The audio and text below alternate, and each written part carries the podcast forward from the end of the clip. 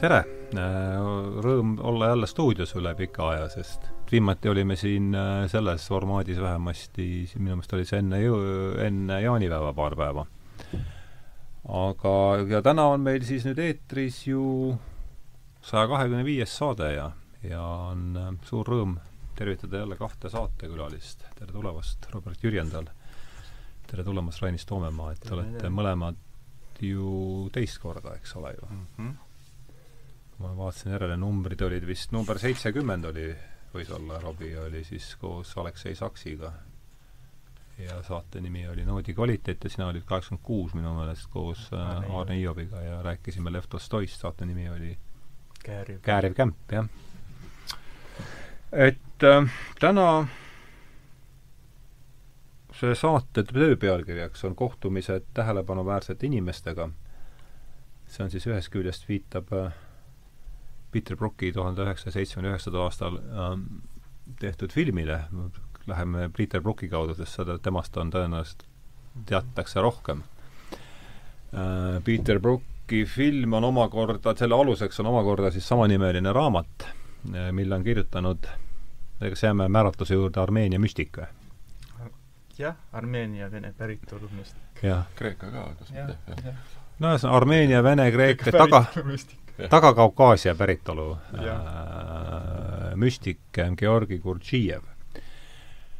ja eks igal saatel on oma eellugu, siin on siis see, et et Rainis võttis ühendust, ütles, et tal on valminud just selle raamatu eestikeelne tõlge ja ja siis meenus mulle see konts-, millal see kontsert võis olla veel, see kogu see trall oli veel, see oli enne seda suurt siis oli meil veel pensionipaanika, kui see kontsert oli, eks mingi paanika ikka. ja, ja, ja see oli veel kauge, kauge, kaugetelt pensionipaanika aegadelt ähm, ja, ja siis ma, see oli see kontsert, eks oli see nüüd tuleta mulle palun meelde, mis olid nende muusikute nimed veel, Mittini ja Lamb.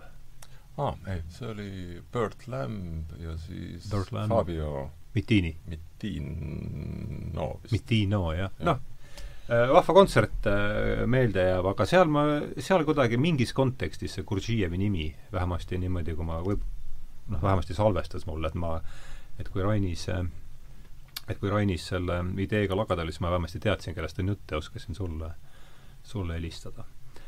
et ega ma tast palju ei tea, ma selle, Robert saatis mulle saatis ühe artikli, mis oli ilmunud mingi ka kas see oli kas... see oli filmi esilinastus. kas see oli seitsekümmend üheksa just nimelt, jah, täpselt, jah, jah, jah, jah. nagu pilt sellest, et mis seal esilinastusel nagu just, jah, jah, täpselt, jah. esinejad, jah. ja siis ma seda siin natukene konspekteerisin, et mul on vähemasti noh, mingi ettekujutuse sellest, mis parkimisplatsil see tegevus äh, nüüd toimuma hakkab ja, ja saab siis ka mingeid jutupunkte siit teinekord äh, võtta, aga aga mul ei olegi vist sissejuhatuseks suurt väga midagi rohkem lausada, et küsiks siis esimesena Rainise käest, et kust tuli mõte tõlkida, see on suur hulk, suur hulk tööd. sest raamat on ju, ma näitan seda siis siin inglise keeles. pehmekaaneline muidugi. pehmekaaneline variant, et see on ikkagi, äh, siia läheb kõvasti tunde, et jah, seda küll. et äh, miks see raamat? võib-olla siis mina räägiks oma esimesest kokkupuutest üldse Gurdžijeviga. just et äh, esimest korda ma ilmselt äh, kuulsin Gurdžijevi nime siis, kui ma ütleme, võib-olla viisteist aastat tagasi lugesin vanu, vanu ajakirju, Paradoks ja Universum mm. -hmm. siis oli seal, ma mäletan, äh, ilmus, ilmus üks artikkel, ülevaatlik artikkel tema kohta, temast kui müst-, temast kui okultistist mm. -hmm. just, just selle kandi pealt, et teda nimetati okultistiks ja aga siin, aga sinnapaika see jäi, see oli lihtsalt üks selline huvitav artikkel lugeda. viisteist aastat tagasi? jah, kuskil umbes niimoodi. siis edaspidi äh, lugesin ma aeg-ajalt tema nime Osho, Osho vahendusel. Äh, Osho samuti armastas teda väga tsiteerida ja, ja ta, ta üldse oma mõttelaadilt on, on Oshole väga lähedane tuleta mulle palun meelde, kes on, nimid olen tuttav, minust on Osho mööda läinud, et mm -hmm. noh, Osho on nüüd võib-olla üks sa näed, Jonal on märkusärve sinna väga pikalt, jah? jaa, üks, üks kõige, kõige kuulsamaid ja vastuolulisemaid müstikuid kahekümnendal sajandil. Mm -hmm. sellest piisab praegu. millal ta elas äh,? ta suri tuhat üheksasada üheksakümmend üks, küllaltki hiljuti. aitäh!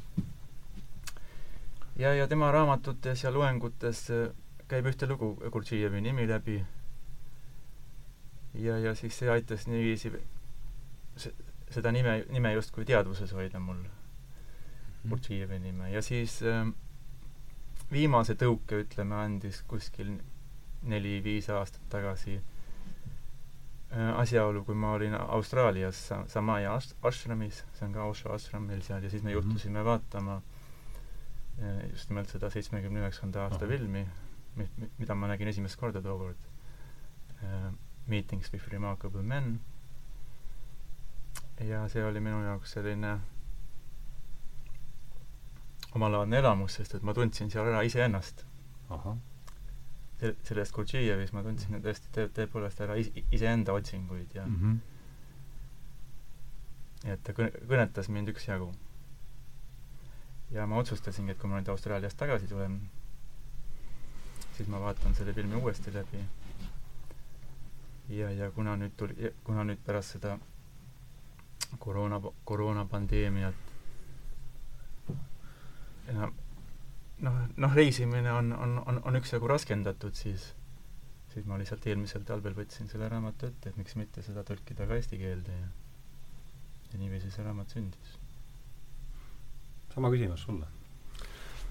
jah, see läheb vist jah, tuhat üheksasada üheksakümmend kaks mhm aastasse. ja ka väga niimoodi pindmiselt või kuidagi aimates tuli see välja, et kui ma liitusin Guitarcraftiga, see on selline siis mhm. koolkond, mis on ka mõt-, sellest nagu sisemise ringi koolkond, kuhu siis tuleb nagu et sinna lihtsalt, selleks, et sinna liituda, selle seltskonnaga, siis tuleb äh, midagi nagu, nagu iseendaga nagu teha, ses mõttes, et väga hästi nagu läbi mõelda, et mida sa tegema lähed. ja minul kuidagi see klappis ja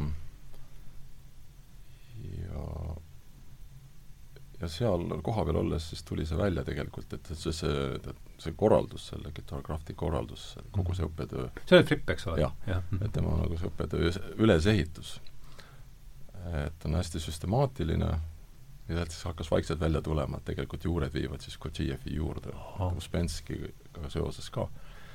Et päris palju oli seal sellist ähm, see Guitarcrafti juured viisid äh,, viisid ei, selles mõttes, et see ülesehitus just, et kuidas mm -hmm. seda Guitarcrafti üles ehitatud mm -hmm. oli. nojah, selles mõttes, ülesehituse mõttes ja. juured viisid äh, ja ja küll kohati väga kaudselt ja ja kindlasti edasi arendatult, et mitte enam elav asi jah, see oli nagu uus asi, eks ole, uues vormis, aga, aga siiski, nii et sealt, sealt mul tekkis nagu suurem huvi. ja siis äh, ma arvan, ma sain esimese raamatu kingiks David Rosenbergilt, kes on New Jersey's äh, filosoofia õppejõud ja hea sõber mul. et me oleme palju muusikat koos teinud mm. -hmm. et ja mis pilli tema mängib? ta on klarnetimängija ja mäletan, et see oli väga vahva lugemine. ma olen, ma olen tegelikult neid raamatuid, mis mul mõn-, mõned on olnud siin käes, et ma olen korduvalt neid lugenud paariaastase vahega ja ja ausalt öeldes midagi ei ole teha, tuleb jälle ette võtta, sest et see, need on liiga tihedad, et sellest lihtsalt sest et noh, see, see, see muidugi on ka põhjendatud sellega, et Gurdžijevi enda, enda õpetusega, et, et just see minade minade muutumine, minade rohkus ja see tähendab seda, et see inimene, kes, see mina, kes seda raamatut luges viis aastat tagasi, ei ole enam see, kes on praegu siin. seetõttu ma noh, ongi tarvis seda lugeda korduvalt ja korduvalt, et võib-olla siis lõpuks äkki midagi paneb kokku. et keeruline, mitte midagi lihtsat ei ole. ja kõige hullem minu meelest on selle asja juures see, et just nimelt hullem, sellepärast et see, et see erineb täiesti sellisest tavapärasest sellisest noh, nagu et sa võtad raamatu ja õpid midagi. Et saad midagi teada. sa tegelikult sa ei saa teada, sa saad sa nagu vaatled selle raamatuga, sa vaatled nende noh, neid vestlusi eemalt ja püüad nagu ennast sinna asetada, enda, enda, enda kuidagi oma arengut ja oma mõttelaadi. ja sa saad aru, et tegelikult see kõik on üsna võimatu sinnamaani, kuni, kuni sa ise oled selles koolis sees, mis on väga süstemaatiline mm -hmm. ja Mhm. aastatepikkune töö, noh, ja ta, Gurdjiev ise rõhutab ka, et seda noh, seda õpetust, ta nimetab siis neid iidseid tarkusi, et tegelikult neid on ainult võimalik omandada ainult ikkagi koolis, spetsiaalses koolis. et, et seda ei ole võimalik lihtsalt nagu üliõpilasena kuskil, ma ei tea, ülikoolis käia loengus, panna, koduõppena panna midagi kirja, mõned jube ägedad niisugused, eks ole, mingid ägedad ütlemised ja mingid ägedad võib-olla sellised filosoofilised tõed ja ja siis midagi noh, et see on väga erinev sellisest nagu lev-, üldlevinud nagu kuidagi suhtumisest mingisugusesse sellisesse noh, õpitavasse. et tuli pikk joru ei, et ega see, see oligi nii mõeldud, et ega see ei olegi lihtsalt õppimine õppimise pärast, see on, see on pigem iseenda ümberehitamine. jah. see, selle Gurdžijevi töö eesmärk on ju tegelikult, võib-olla me sinna veel jõuame, aga ikkagi enesele hinge ehitamine. jah. Gurdžijevi met-, metafüüsikas inimesel hinge ei ole. inimene on, on ainult mater-, materiaalne aga noh, erinevalt näiteks äh, kabalistide õpetusest, kelle, kelle järgi just hing, hing tuleb siia materiaalsesse maailma ja ehitab endale materiaalse keha. siis Gurdžijevil on ta vastupidi. Et, et inimesel on es, esmalt materiaalne keha ja siis elu jooksul tuleb, tuleb ehitada endale hing, mis võiks surma üle, üle elada. niimoodi on ta, jah jah. enamikul inimestel see ei õnnestu ja nende, nende lõpp on Gurdžijevi filosoofia järgi väga õnnetu. keha lihtsalt laguneb orgaanilisteks osadeks ja sa-, ja see saab maaks, maaga üheks. ja psüühiline element, kõik tema emotsioonid ja mõtted, need lähevad siis toiduks kuule. kuule. jah. kuu toitub inimeste, surnud inimeste psüühikast, ütleme mm. -hmm. mis on väga pentsik ja mis on väga paljusid inimesi eriti noh, nii-öelda inimesi, kes, kes tahavad, et neid tõsiselt võetaks. see ei kõla päris aktuaalse jah, jutuna jah, Gurdžijevist väga, väga eemale peletanud. Nojah, seal ongi, tema puhul ongi võib-olla, mis on kõige eksitavam see, et et tegelikult noh, ütleme, et siin laua taga võiks ju istuda näiteks ma ei tea, sotsioloogia, psühholoogia, matemaatik, palun juba ütleme, ma ei tea, mis loogia siin veel, eks ole, kindlasti ka, ka muusikateadlane, psühhiaater, muusikateadlane. kuu jutt just õigustaks ka tema. siis ütleme kindlasti ka, eks ole, kosmoloog mm. -hmm. no ma ei tea, see nimekiri läheb ja läheb ja see tegelikult keemik. keemik, mida rohkem loed äh,, noh, teda ja süvened, siis sa saad aru, et tegelikult see nimekiri ei lõpe ära ja noh, see suuline, ta nagu rõhutab hästi palju seda suulist äh, pärimust ja seda, seda tarkust. ta minu meelest on kuskil kirjutanud ka sellest, et tema isa vist oli meeletu te,, tema isa äh, äh, oli selline, vaata tollel ajal, ajal oli, oli selline amet või ütleme, elukutse oli rahvalaulik mm. -hmm. jah, selle ma jõudsin, selle ma jõudsin Neid nimetati Taga-Kaukaasias ašuugideks ta tuleb sellest traditsioonist ühesõnaga. jah mm, -hmm. aga neid, aga neid rahvalaulikuid oli, oli, oli tol ajal väga laialt, oli, oli Siberis, Türgis, Kesk-Aasias. no see on televiisorieelne aeg, eks? televiisorieelne aeg, see on oluline siin ilmselt ära rõhutada. unustasin, et sellesse ritta on kindlasti ka vaimulik. õiguse vaimulik, õiguse vaimulik kindlasti. ja, ja kindlasti ka ütleme seal sufid. sufi, jah Budi-, budist ja, ja budism kindlasti. Nii et jah, see väga et, et vast ei olegi valdkonda, mida, mida Gurdžijevi õpetus ei puudutaks? ja loomulikult, eks ole, see lööb ikkagi noorele inimesele, kes näiteks, ma kujutan ette, seal Peterburis, Moskvas, kes mm. -hmm. tol ajal, tol ajal, eks segastel aegadel ka, mm -hmm. noh, millal need ajad üldse tegelikult mit, mitte segased on olnud, kolmteist, neliteist, enne esimest maailmasõda. need on eriti jah, kes liitusid, eks ole, nendesse rühmadesse. võrreldavad meie ajaga Mhm. see võis ikka väga sassi lüüa. Ja ta oli õige, tegelikult on, äh, minu meelest on teada ka väga selliseid, ka üsna selliseid negatiivseid juhtumeid, kus ta lihtsalt noh, paljud ei pidanud vastu, ütle, selle pingele lihtsalt. täpselt sama juhtu-, on juht-, juhtus Gauchoga näiteks.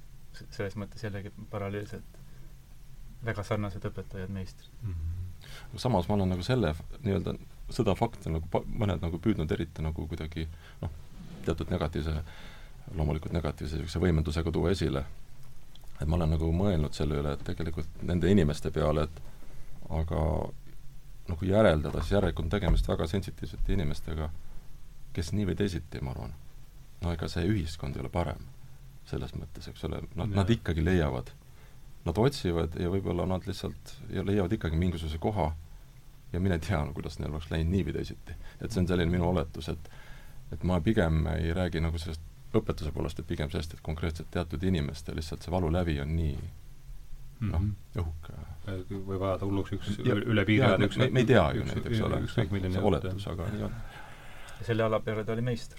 mm. see- -hmm. inimeste, inimeste hulluks ajamine. Šokk- šokiteraapia sisuliselt, et, et teatud asjade nagu ära järsult lõpetamine või ütleme, sisselõikamine mingisugusesse, see oli nagu tegelikult tema selline noh, tema metoodika. aga võib-olla olekski hea minna siitkaudu, saaks võib-olla kõige lahe, paremini ligi, et kui sa ütlesid, et see mm, Fripi kitarrikooli ülesehitus oli paljuski laenanud äh, struktuuri või ülesehituslikud printsiibid Gurdžijevilt, et järsku oleks see, annaks võib-olla kõige lihtsamini ettekujutuse sellest, et mis need printsiibid siis olid ja, ja millest seal, millest seal juhinduti ja siis saame juba Rainisega panna, Rainis saab seal panna natuke lihaluule juurde, et, et tundub, see tundub olevat võib-olla hea mm. -hmm. koht, kust kaudu teemasse sisse minna. jaa, no ma püüan nüüd niimoodi mõelda, mis on nüüd nagu kõige olulisem kõige just see, mis Gurdžijeviga jah, kõige olulisem võib-olla see, just see aim või noh, selline, kuidas öelda, eesmärk. eesmärk, eesmärgi püstitus, eks ole. Sa ei tule lihtsalt tühja mm, Mhm. -hmm. tühjalt lihtsalt vaatama, et mis siin teha, mida, mis siin nüüd saab, on ju, äkki saab midagi jube ägedat, on ju. astud uksest sisse või tegelikult enne uksest sisse astumist on sul endal vaja tööd teha, et kas üldse on taotlus. no kas üldse, on sul vaja seda üldse mm? -hmm. muideks uudishimu pidas Gurdžijev väga negatiivseks nähtuseks. ja ka unistamist jah. aknast välja unistamist. ja lihtsalt tühi, tühi uudishimu, et ma tulen vaatan, et mis siin tehakse. ma seda jah. Need on nagu tühi uudishimu ja, ja jah. sellega on olid lihtsam vist- nõustuda. minu meelest Anett isegi tõi välja, see on see nagu reaalse töö nii-öelda rea-, selle töö, mis tegelikult oleks vaja teha, ütleme, et, et need asjad saaksid nagu noh, jooksma.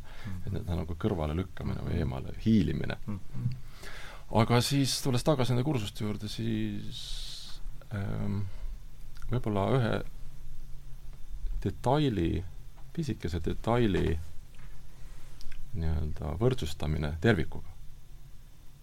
detaili võrdsustamine tervikuga. et siin võib-olla tuleb natuke selle inimmasina teemat mm. sisse, et kui rääkida Gurdžijevi sellest piltlikult sellest inimmasinast, et kui inimmasin, mis peaks funktsioneerima, eks ole, täiuslikult, et kui nüüd üks detail selles masinas ei, ei klapi või on midagi rivist väljas, siis see tegelikult mõjutab kogu süsteemi. mm. -hmm. et selle kaudu sellest, et et see on mul nagu meelde jäänud. ja noh, see on, see läheb väga spetsiifikasse, aga noh, Fripil oli see näiteks konkreetselt äh, siis see mm, mediaator, millega mängitakse kitarri, see mediaatori, ühesõnaga see mediaatori hoidmine käes. ah, see väike, see jah, et kuidas seda üldse mm, -hmm. kuidas see üldse käes püsib ja see heli tekitamine üldse. Sellised äärmiselt pisik-, peened, millimeetritega mõõdetavad asjad. ja ma ise nägin sellega palju vaeva ja siiamaani ja mäletan, et oli, oli, oli neid, kes jäidki sinna kinni, noh, ei saanudki mujal, lihtsalt olidki muudkui hommikust õhtuni otsisid seda nagu iseendas, seda nagu õiget noh, et seda detaili mm. -hmm. et no et äh, ei, ei, ei hakatud rääkima mingist muusikast, muusikast, et meie kõige, eks ole, kõige mingi, vaid pigem sellest, et kuidas me üldse sinna saame. konkreetsest sellest oskusest, kuidas hoida seda no, et kuidas sinna saada mm. -hmm. et äh, nagu eeldus oli see, et sa pead nagu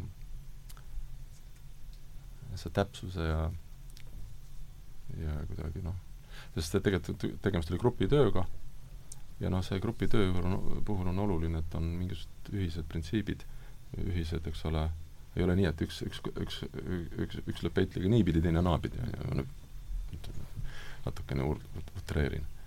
vaid see on ikkagi üks teatud kindel liigutus mm. -hmm.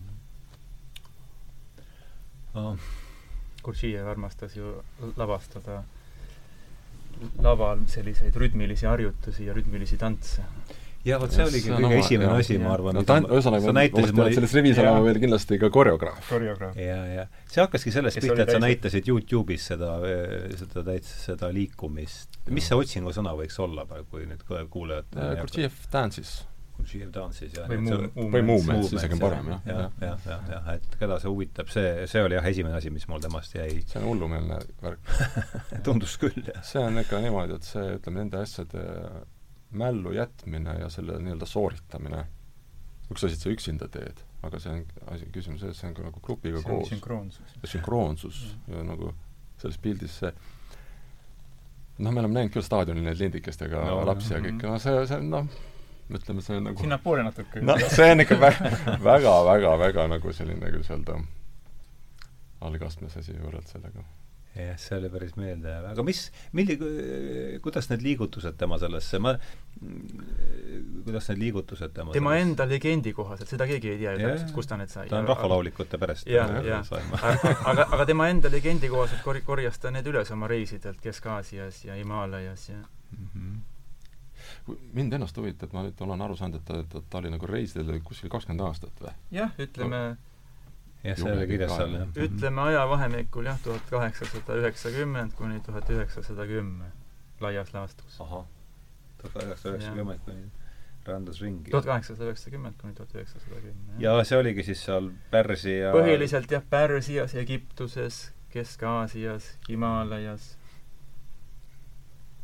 rändas Pärsias, Himaalajas ja muidu Indias ka võib-olla jah ja võib-olla Afganistanis, vot ei tea Af. Afganistanis ilmselt kindlasti yeah.. kuna, kuna, kuna, kuna, kuna väga sageli mainitakse tema raamatutes Amu, Amu, Amu see film oli ka, film on Afganistanis, eks, seitsekümmend üheksa. seitsekümmend üheksa, jah. siis oli veel võimalik. siis oli veel võimalik, see oli viimane aeg, kui oli võimalik. natuke kummaliselt. enne venelaste invasiooni. siis tuli ju invasioon, just nimelt, jah. kujuta ette Afganistanis teha jah ja. ja, ja see on meie elu aga ta on, aga, aga, aga see film annab kuidagi väga autentselt edasi seda raamatut minu jaoks mm. -hmm. just seda feelingut, seda, seda, seda tunnet, seda atmosfääri, mis, mis võiski tol ajal seal sada aastat varem olla. seda soovitaks kindlasti vaadata, jah ja.. ta on vabalevis ka, aga minu meelest on ta üsna kehva kvaliteediga, et, et ei peab... mitte väga minu arvates äh,. Youtube'is oli olemas, eks ma seda ei jõudnud. ta on nagu natuke, noh, tal on no, muidugi see seitsmekümnendate selline värvi, et ma, ma olen täitsa huvitatud, huvitav, kas on keegi seda püüdnud veel nagu tehniliselt pisut kohendada, et võib-olla, võib-olla teevad. aga ta natuke on selline noh et ta ei sega, aga ta on sihuke pigem selline, ongi nagu oma ajastu hmm. dokument. dokument, jah. aga nii, ta rändas siis kakskümmend aastat ja siin ma lugesin sellest äh, jah, siin on alguses oli ja see on muidugi see, mida ta ise jälle väidab.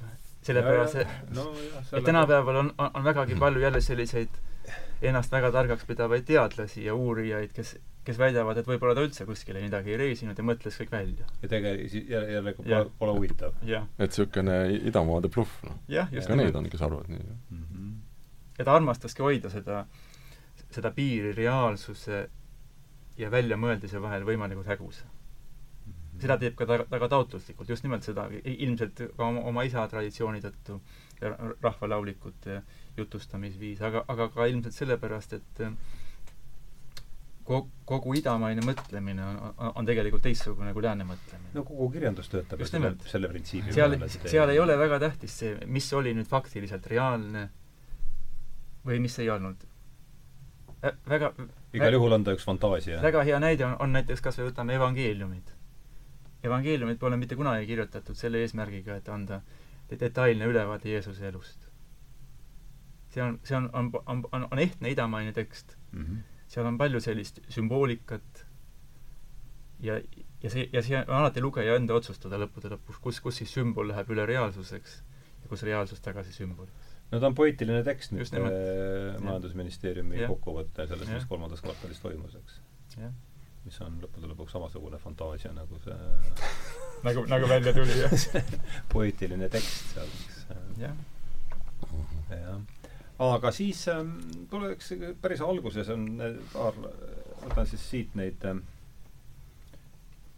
ahah, et pärast seda, kui ta tagasi tuli sealt reisilt äh,, need, need kogemused panid teda elule teisiti vaatama, no mis on loogiline, kakskümmend aastat reisimist äh, no kui me nüüd lähtume selle, sellest sellest artik-, see on nüüd sellest sellest loost, sellest sellisest no, lugu nagu kui me lähtume sellest, et kõik ikkagi nii juhtus, nagu, nagu ta väidab aga, aga võtame selle aluseks. võtame selle aluseks ja, ja noh, kui ka ei juhtunud, siis on see ja. ikkagi lugu, mis käib ja see see on see, inimlik, sest et meie oleme ka siin ju ütleme, niisugused äh, ju inimlikus ikkagi staatuses. ja, ja, ja me, ega me ei mäleta keegi, mis kakskümmend kuus aastat tagasi täpselt juhtus, et meil on selle kohta ja. mingi oma ja. pilt. igalühel on oma lugu ja just.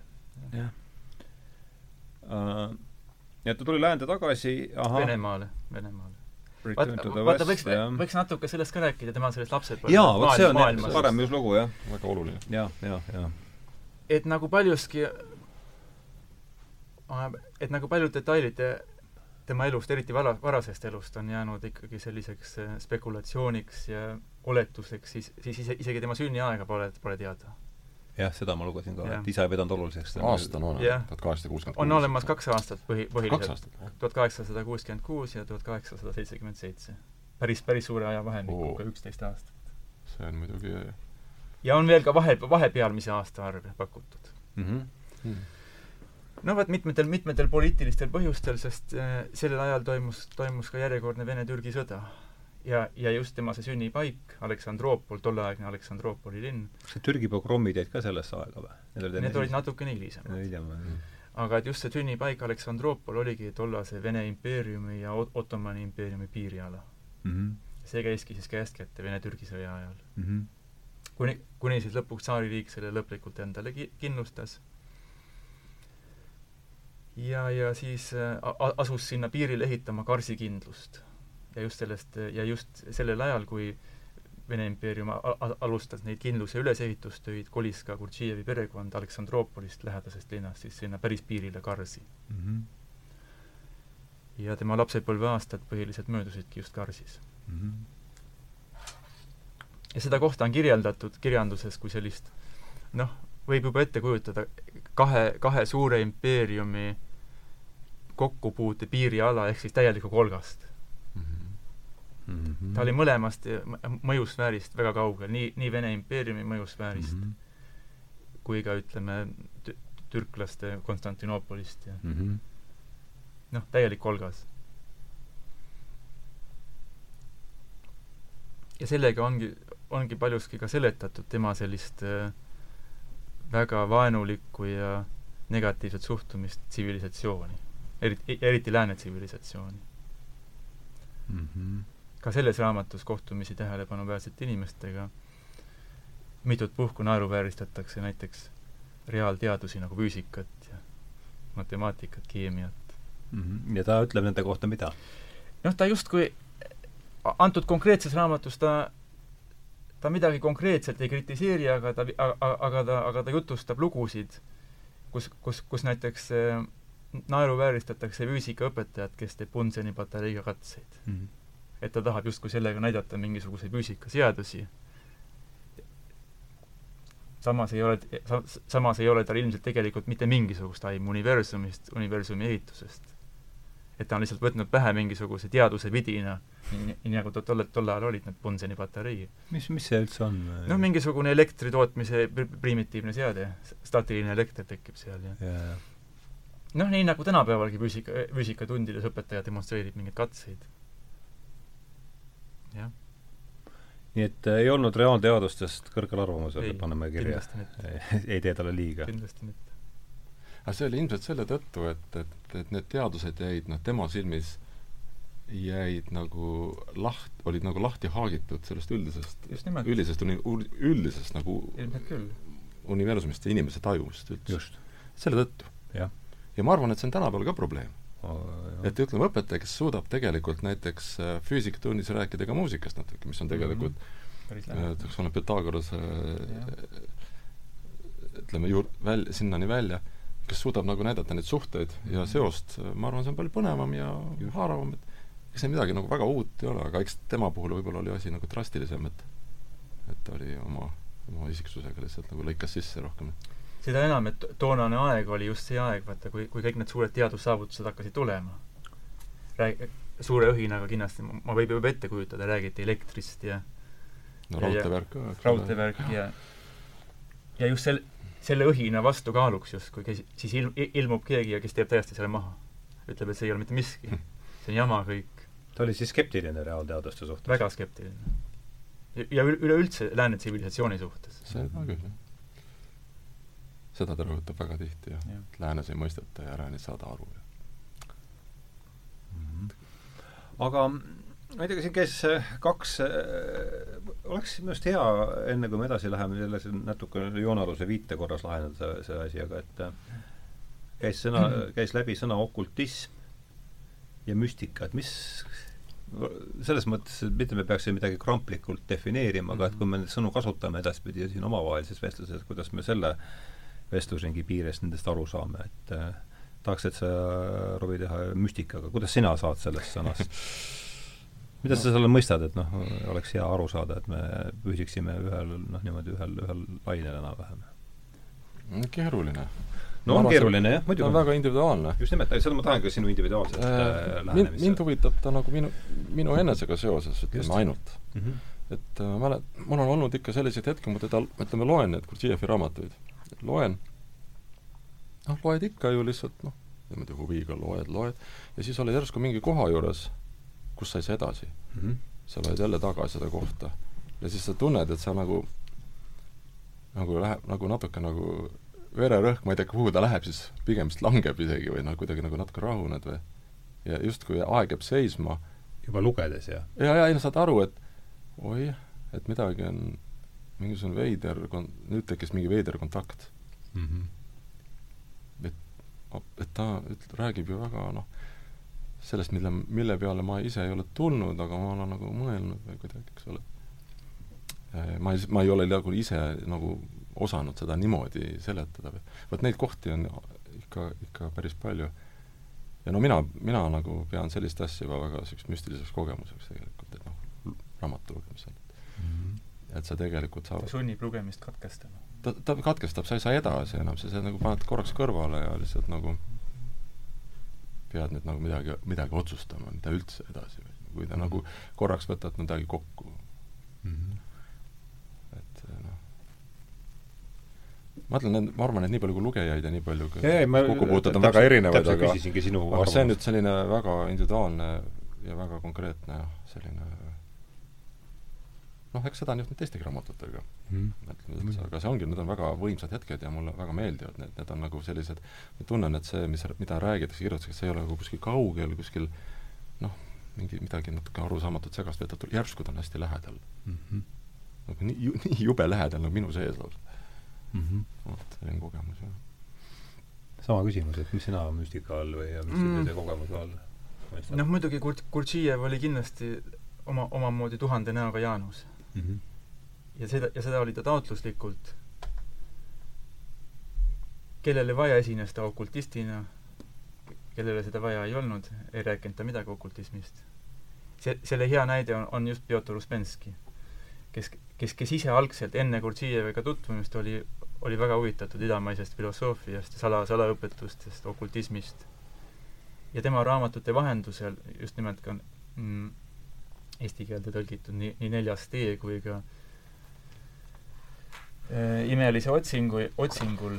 muideks äh, väga hästi tõlgitud, ma pean ütlema, ja see on siis kas see on sellest samast Tammingu sarjast, jah? jaa, jaa, suurepärane tõlge. ma ikka naudin kes on, tõeliselt kap-, siin on ähm, tõlkinud Anne äh, Ratman ja Evi Laido.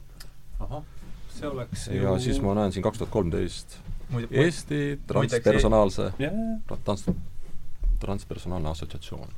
Eevi Laida on minu praeguse raamatu toimetaja. vot, et, et kui noh, ma, väga hea tõlge mm, -hmm. jube hea lugeda see vääriks täitsa, Uspenski oli tema siis, äh, mina kuulsin seda, võib-olla olin seda nime kuulnud, õpilane, eks? üks, üks tuntumaid õpilasi. üks tuntumaid õpilasi yeah.. hiljem läksid nad lahku mm. -hmm. aga mm, -hmm. aga just nimelt, et kuna äh, et kui, et kui me nüüd, nüüd lähtume Uspenski raamatutest, si-, siis seal Gurdžijev on natukene teistsugune kui, kui võib-olla mõne, mõne teise mälestust ja mõne teiste tunnistustes ja mälestustes ja jutustustes. et Gurdžijev oskaski olla, ta oskas igat üht individuaalselt kõnetada mm. -hmm. ja, ja, ja just, et, et kuna Uspenski oli, oli eelnevalt enne Kurt-, enne Gurdžijeviga kohtumist tuhat üheksasada kolmteist, neliteist, väga palju Aasias reisinud ja ta tundis õp-, ta tundis elavat huvi salaõpetuste ja hinge, hingerännu teooriate ja okultismi vastu, siis tema raamatutest jääbki sageli Gurdžijevist mulje kui okultistist mm. -hmm. aga näiteks väga paljud teised inimesed, kellega ta kokku puutus juba hiljem Prantsusmaal ja ka Ameerikas, ei, ei, ei, ei, ei seosta küll, küll mingilgi viisil Gurdžijevit okultismiga. aga ikkagi mm -hmm. tuleks tagasi selle esialgse küsimuse juurde, et kuidas sa isi-, kuidas sina isiklikult saad müstikast aru, mis see, et siis me saaksime selle okultismile mm -hmm. ka mhm. mingi ringi peale teha, et võib-olla on sellelt vundamendil parem edasi minna lihtsalt. kui nüüd, kui nüüd lähtuda arusaadavam kõrvalt. jaa, kui, kui nüüd lähtuda selle sõna okultism klassikalisest tähendusest, siis mina, mina neid, neid kahte sõna omavahel ei seostaks müstikat ja okultismi, aga, aga räägi palun sellest vahest, mismoodi sina sellest aru saad? noh, minule isiklikult äh, müstika kirjeldab inimese ja, ja Jumala suhet mm. -hmm. ja ütleme, inimese ja ütleme, inimese selle kõrgema mõõtme ja Jumala suhet mm. -hmm. samuti enese, enese transformatsiooni, enese arengut. See on kõik müstika aga, aga sõnal okultism on, on, on sageli just üheksateistkümnenda sajandi lõpust peale tähendus, mis äh, seostub äh, spiritismiga näiteks mm -hmm. ja paranormaalsete nähtustega.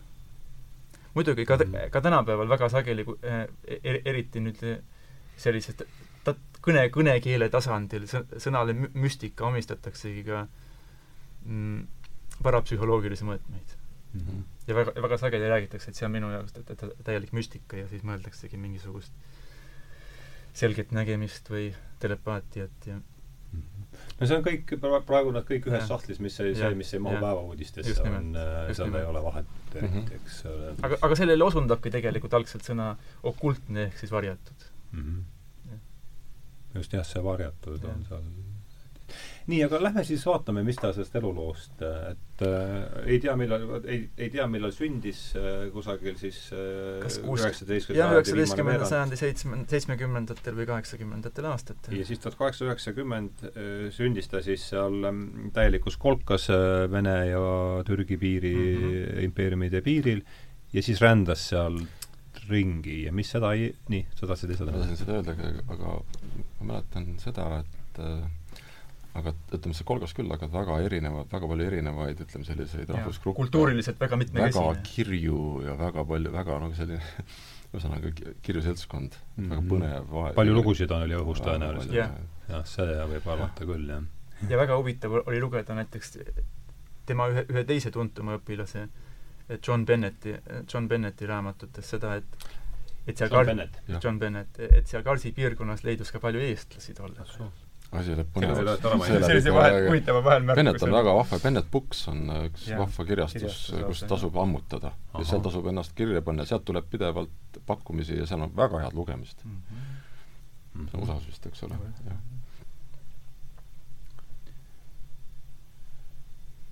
John Bennett oli Gurdžijevi õpilane? jaa mm. -hmm. üks te-, veel üks põhilisi Uspenski kõrval, üks tuntumaid. inglane tegelikult, eks ole nii, aga siis äh, suund-, siis äh, kasvas üles luguderikas paigas. jah. ja siis läks rändama ja ja läks rändama ja, ja läks just, mis, mis teda tõukas või ajendas selleks, et et üldse, et üldse selline inimene võiks või, võiks välja kasvada sellisest keskkonnast, oligi just, oli, olidki just tema kokkupuuted juba lapsena äh, ütleme, sellise salapärase ja seletamatuga mm -hmm. selles raamatus kohtumisi tähelepanuväärsete inimestega kirjeldab ta paljusid juhtumeid. ühe, ühe detailsema kirjelduse annab ta näiteks äh, vahejuhtumist, mis leidis samuti aset Karsis, kus äh, vene koolipoisid tõmbasid maapinnale ringi ümber ühe, ühe teise jesiidi poisi. vaata, jesiidid on üks, on üks iidne usulahk mm, nad, nad kuuluvad kurdide hulka.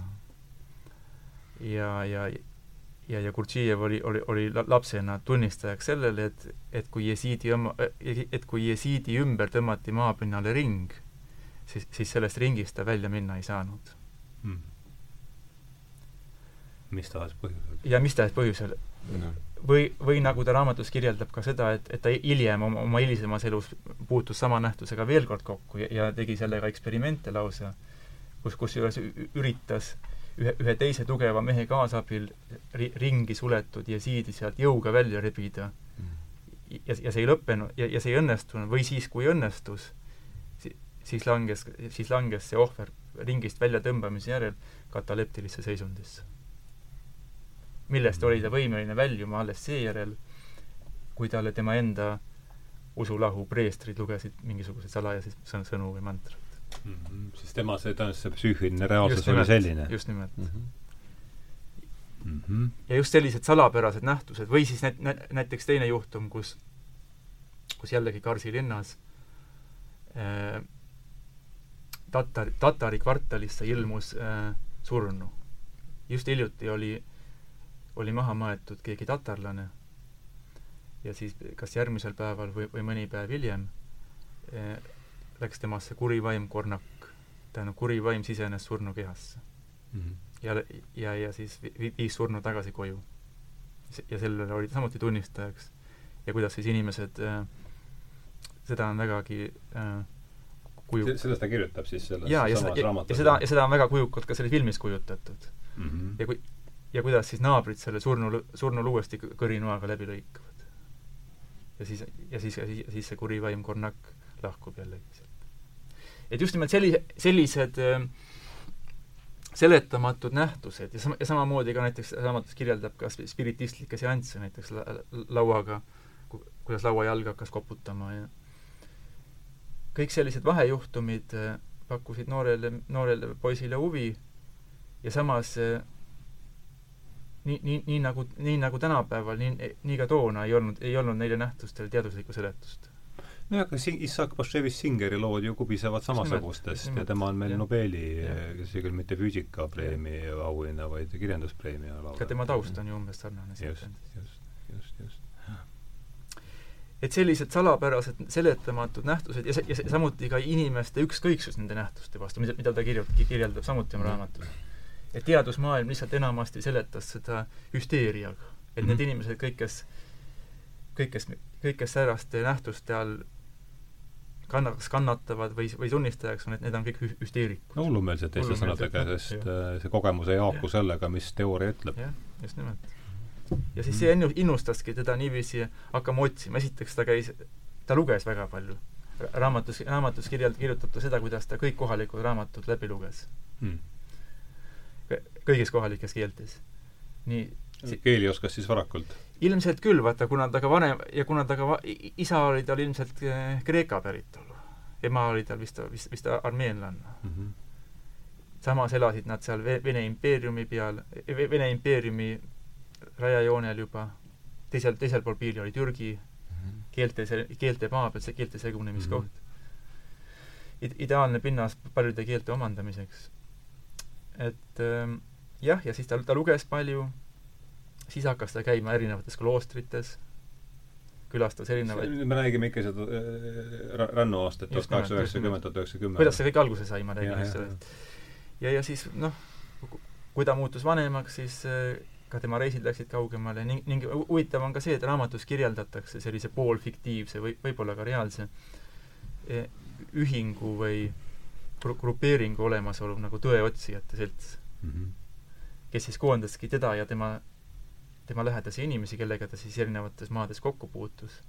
Nemad siis, nemad siis panid kokku sellise grupi, noh, kuskil võib-olla kümmekond inimest.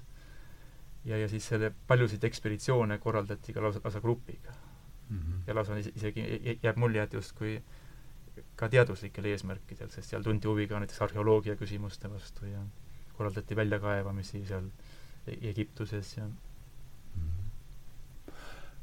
palju sina tead tema sellest äh, noor, noorepõlve, just nendest aastatest, mis me räägime, et sinu no kindlasti mitte roh-, teine perspektiiv, aga no mis, mis meelde on jäänud, et lihtsalt teine perspektiiv asjale tuua ka? mis, ta oli nagu ta oli sihuke praktiline ka, aga et ta oli sihuke nutikas, ma mäletan, mis mulle väga meeldis, kus kohas see oli, kus sadamas, kus ta neid ühesõnaga, kust rahvas äh, laevale oli vaja minna lihtsalt mööda sellist, eks ole, niisugust purret äh, kai pealt.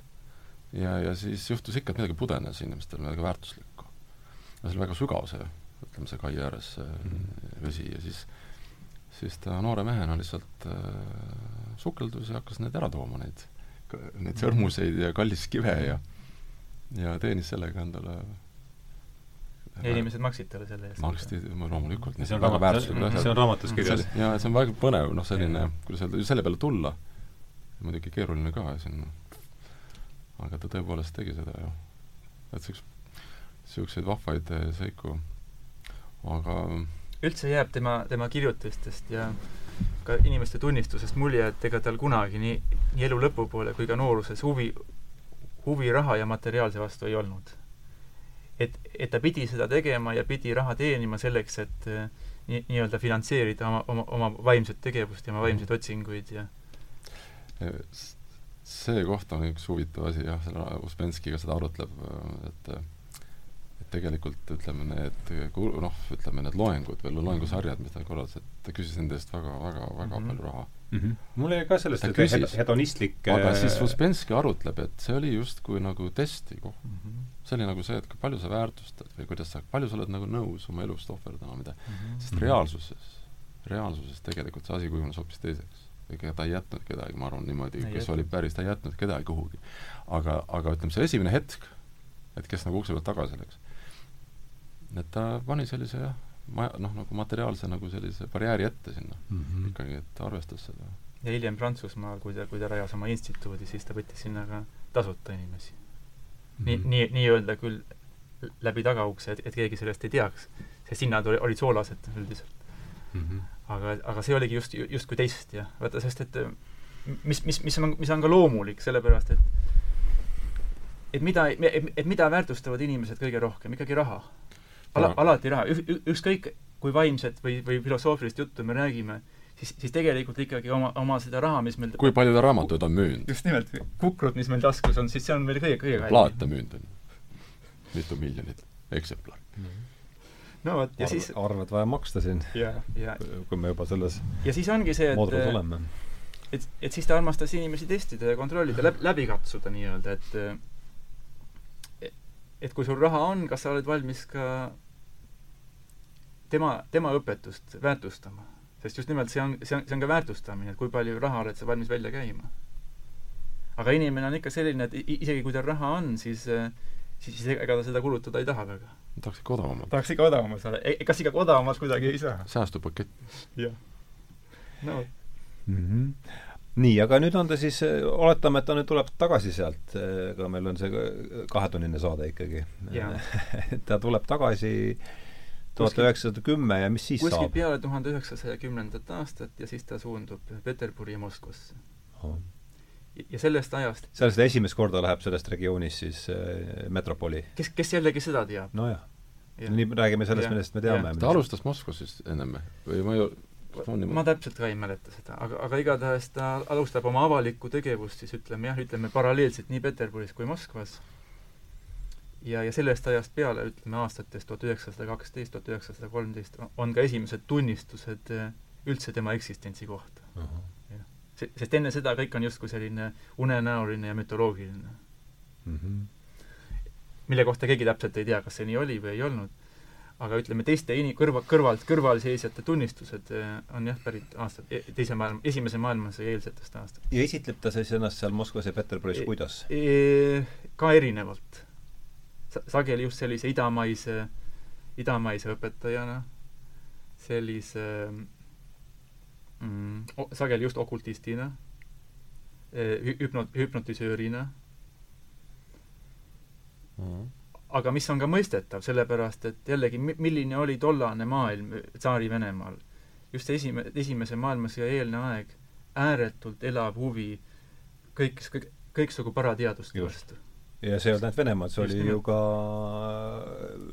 Suurbritannias ja kõigil. igal pool, spiritistlikud seansid väga populaarsed, eriti kõrgemas seltskonnas. -hmm. meelelahutus lausa mm. -hmm. ja, ja ta lihtsalt kasutas seda olukorda ära, mina, mina isiklikult arvan seda, et et endale tähelepanu tõmmata.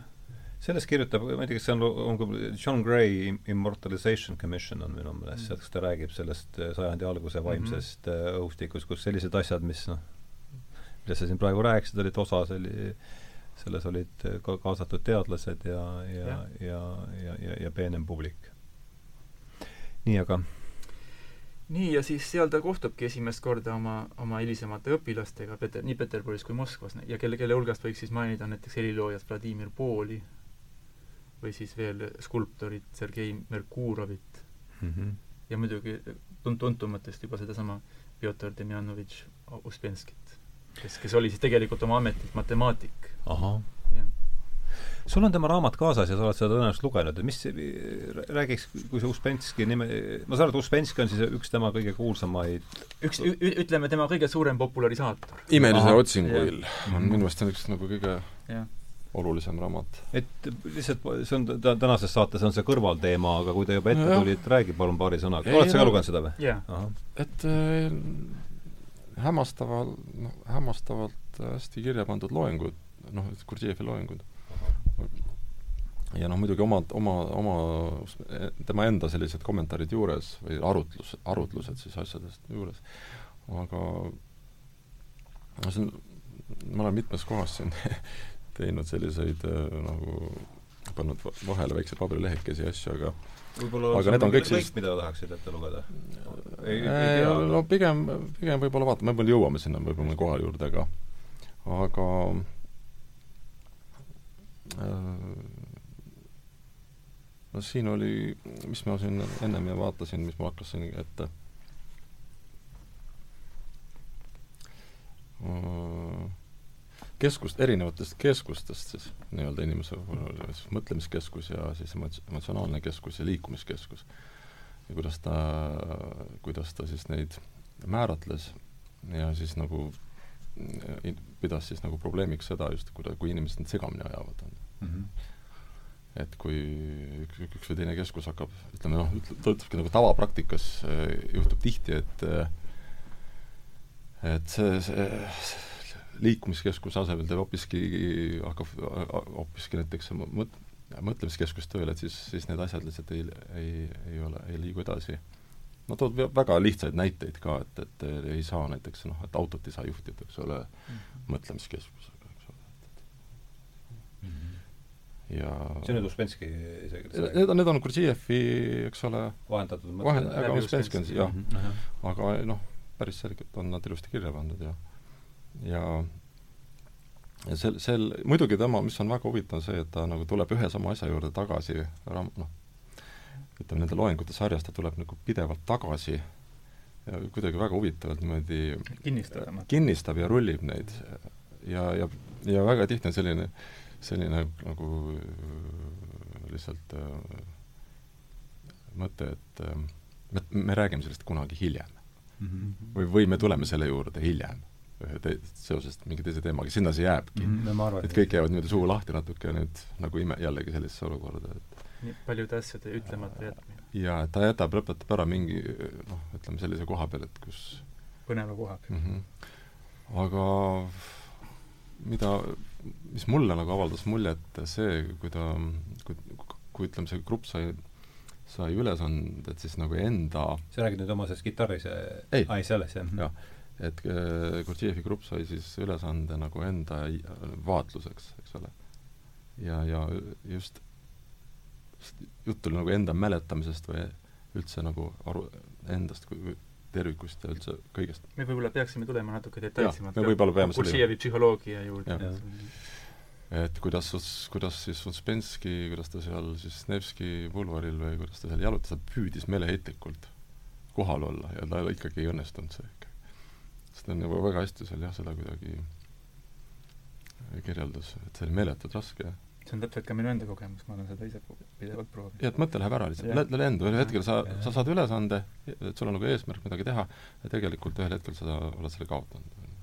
ja leiad ennast kahe tunni pärast, ja ma, ma, ma olen püüdnud seda nagu tegelikult nagu edasi arendada, seda mõtet, et see nagu areneb või läheb nagu ühiskondade või nagu niisuguse sotsiaalse, sotsiaalsetesse suhetesse ka edasi ja üldse, üldse maailma, maailma asjadesse, et et äh, mõeldes näiteks, kui palju mingisuguseid nii-öelda justkui olulisi asju on toimunud viimasel ajal, mis tegelikult on ju kõik kuhugi soiku jäänud. või nad on jäänud kuhugile, nad on nagu lõpetamata mingisugused pahvatused, emotsionaalsed pahvatused millest on ka väga palju juttu siin, sellist emotsionaalset pahvakutest, mida, mis tegelikult, mille asemel peaks olema mõist-, mõistus ja nagu noh, mõistus peaks töötama ja nagu läbi, läbi mõtlema ja arutlema ja, ja, aitama seda olukorda lahend-, lahendada, aga kui palju neid emotsionaalseid pahvakuid, mis tegelikult löövad nagu rütmi segamini ja ei vii mitte kuhugi ja keegi ei suuda neid, nende asjadega tegelikult sellisel moel edasi minna, sest emotsioon ju muutub, on ju järgmine hetk on mingi teine emotsioon, kolmas emotsioon. nagu kas või sündmused maailmas on ju, et kes keda kuskil mürgitati või mis tehti, lõpus on ununenud, on ju. Tulevad mingid loodusõnnetused, siis tulevad mingisugused pandeemiad, asjad, et see kiht, mis sinna taha jääb, see on nii, niivõrd häma äh,, hämar, et äh, ja just selle, selle tõttu, et just need keskused töötavad valesti. me räägime sellest mõistuse emotsionaalse keskused ja siis liikumiskeskused, need on, need on sassis. ja seetõttu on väga raske aru saada üldse, et mis toimub. Nii et jah, minu meelest on võimalik nagu indiviidi pinnalt seda nagu laiendada ka nagu selliste ühiskondlike nähtuste peale ja aitab võib-olla natuke nagu mõista ka, sest kas või pra-, kas või praegust jama mm. -hmm. seda Gurdjiev ise ka teeb. noh, kui nüüd juba korra tuli see ja, see praegune olukord sisse, siis ma näen siin otsest paralleeli sellise Kursjevi mõistega nagu äh, äh vaata, ma enne, ennem mainin seda, et, et Kurtšijev üldse armastas välja mõelda väga palju uusi sõnu. ta tuletas neid erinevaid, kuna ta oskas palju keeli, siis ta tuletas neid erinevatest keeltest ja miksis kokku mm. -hmm. ja üks selline sõna, mis võikski äh, iseloomustada praegust aega, on minu arvates solionensius. ahah ja see tähendab siis mis loom mm,? mis loom see on see tähendab siis päikese, tähtede ja planeetide mõju inimese käitumisele. Nendega tegeleb meil astroloogia just, justkui niiviisi. aga ka Gurdžijevi no. arusaamise järgi äh, inimesed on, on, on masinad, automaadid mm, -hmm. ja nende, ja nende käitumist äh, suunavad taevakehad mm. -hmm. ja just eriti päike ja kuu ja, ja tema seostaski näiteks revolutsioonilisi nähtusi, ka rahvuslikku ärkamist, mis -hmm. mis on kõik ka meile, eestlastele, väga kallid. ja, ja paljusid selliseid inimeste ütleme, meeltesegaduse aegu, selle kohta on tal inglise keeles hea sõna agitation of minds, mida võiks tõlkida just nagu meeltesegadused. et, et neid põhjustavad tegelikult taevakehade liikumised ja si- mm, -hmm. no see on päris selge astroloogiline äh, ju lähtekoht. et me ei saa midagi teha nende suhtes, et, äh, et sõjad lihtsalt juhtuvad, revolutsioonid juhtuvad, inimesed lihtsalt lähevad peastegi, nii nagu me praegu viimase kahe aasta jooksul oleme näinud mm. -hmm.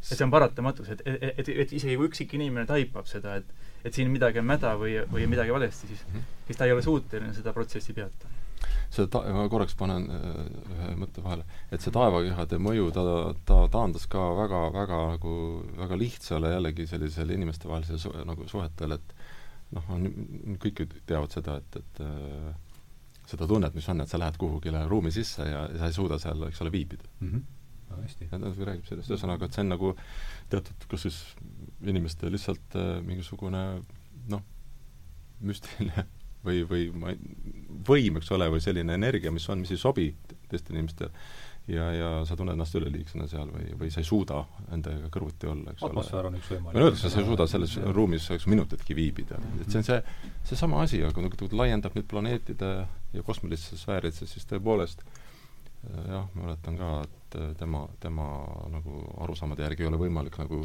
sõdasid ja selliseid suuri katastroofe nagu ära hoida mm. -hmm. et need on natuke nagu et ainuke, mis inimese võimuses on, on, on just nimelt iseenda kallal tööd teha mm. -hmm. see on ainuke, mis on võimalik.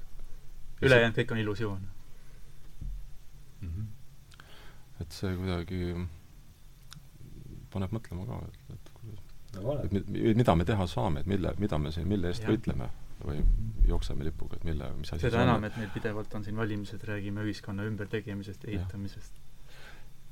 Vot selle, selle koha pealt, eks ole, kui ta kritiseerib seal, noh, ma saan aru, et ta tegelikult kritiseerib ütleme nüüd noh, teatud sellist nagu noh, selliseid mainstream, ütleme, valdkondi juba seal psühholoogias mm -hmm. ja Mhm. siis ta tegelikult miks ta seda kritiseerib ka, on see minu meelest, et ta tegelikult räägib sellest, et et see õppejõud ise ei tegele iseendaga. Ta, ta, ta, ta kogub, ta kogub ka, kogub ka nagu, eks ole, mingit materjale kusagilt, paneb kokku, annab edasi tudengitele selle, aga ta ei ole nagu, ta ei räägi seda, ta ei tegele iseendaga, ta ei tegele selle enda ise, ta ei ole nagu ise seda otsinud eh, nagu enda baasilt, et eh, ja seetõttu see on nagu tema jaoks tühine, eks ole, et see nagu ei sest tema järgi ikkagi see iidne õpetuse mõte on selles, mil-, mis an-, annab sulle sellise tera, et et sa saad nagu selle järgi ikkagi elada edasi. Ja see on isiklik koge-. no see ela-, see on elamisõpetus. Elamisõpetus. see on, see on, see on isi- isiklik kogemus. Ili-, esimest koge-, mis annab sulle tegelikult noore inimesele sellise laengu, et, et sa saad selle, sellega tõesti edasi elus. aga noh, meie suhtumine on see, et kes sa oled kes sa oled sina, et ütled mulle, mismoodi mina peaks elama. no nüüd on nagu, nüüd on nagu minu meelest väga palju niisugust pragmaatilist asja, et lihtsalt on nagu mingid nipid ja kavalused ja nagu tüssamised, no ühesõnaga sellised, aa, eks ole, noh et läänemaailmas ei ole üldse seda traditsiooniga, et on ke-, keegi nüüd on, keegi nüüd on minu guru või minu õpetaja. see saab juba sellest alguse. nojah Aga see on tulemas minu meelest. ikkagi kas jaa, aga, aga ta on alati olnud märksa, märksa enam tagaplaanil kui idas. seda vist küll, jah. jah. idas on, idas on väga populaarne, et ikka kõik, kõigil inimestel on noh, kui tõsiselt seda siis võetakse või mitte, aga minu guru on nüüd see ja see ja see minu meelest on väga ilus mõte, et ütleme vähegi inimesed, kellel ikkagi sulg jookseb ja mõte ka, et üks, minu meelest võiks olla iga, meil võiks neid raamatuid palju olla, ütleme, kohtumised tähelepanuväärsete inimestega, mina loeks hea meelega neid. tõesti nagu väga sellised noh, ikkagi vaatluse teel kirja pandud ja ja sellised järeldused ja kogemused tõesti inimeste kaupa, et ja ma arvan, need on, neid Eestimaal jätkub neid inimesi me saaks väga huvitava sellise n- pildi, mis meil siin tegelikult toimub. mm. -hmm. et ta on praegu, on muidu niimoodi ilukirjanduses ja, ja muidu pu- publitsistikas, ta on kõik nagu läbisegi kuskil, eks ole, keegi ei räägi kellestki. aga tõepoolest, et äh, ma võtan oma elus ette ja hakkan vaatama, kust ma alustasin, kes on need inimesed, Kes need on inimesed? kes on mõjutanud ja mis ma olen sealt, sealt õppinud ja kuidas ma olen äh, ühesõnaga edasi liikunud tänu neile, nende, nendele just, just nendele inimestele. et äh, kuidagi väga eluterve. ja mm. -hmm. ja tõepoolest, ma olen ise mõelnud, et ega neid väga palju ei ole, aga ikkagi on mingisugused inimesed, kes on nagu äärmiselt olulised. absoluutselt. ja me kõigil me siin on, mitte ükski meist ei ole siin äh, erandiks, ma kujutan ette. ja see on huvitav see, et see ei, et see ei ole ka selline sirgjooneline liikumine, vaid tihti ta on noh, väga väga dünaamiline ja vahel on isegi vaatad, et lähed ringi tagasi sinna, kus sa hakkasid mm. -hmm. Teed sa noh, alguses, et, et et eks see on inimestel ere-, erinev, aga aga see on hea selline vaatlus, vaatlusteema, et minu meelest induktiivne meetod öeldakse selle kohta on- vist äh, aga noh, see, selle võib-olla probleem on selles, et sa pead tegelikult mäletama. noh, paljud mäletavad, kes, kes siis mäletab, on ju. ja mismoodi me mäletame? Kui mismoodi? Tegelikult peab hakkama- alguse juurde tagasi, eks nii nagu selle õunapuuga on, eks ole, eks tuleb ikkagi võimalikult vara ta istutada, eks ole. mm. -hmm.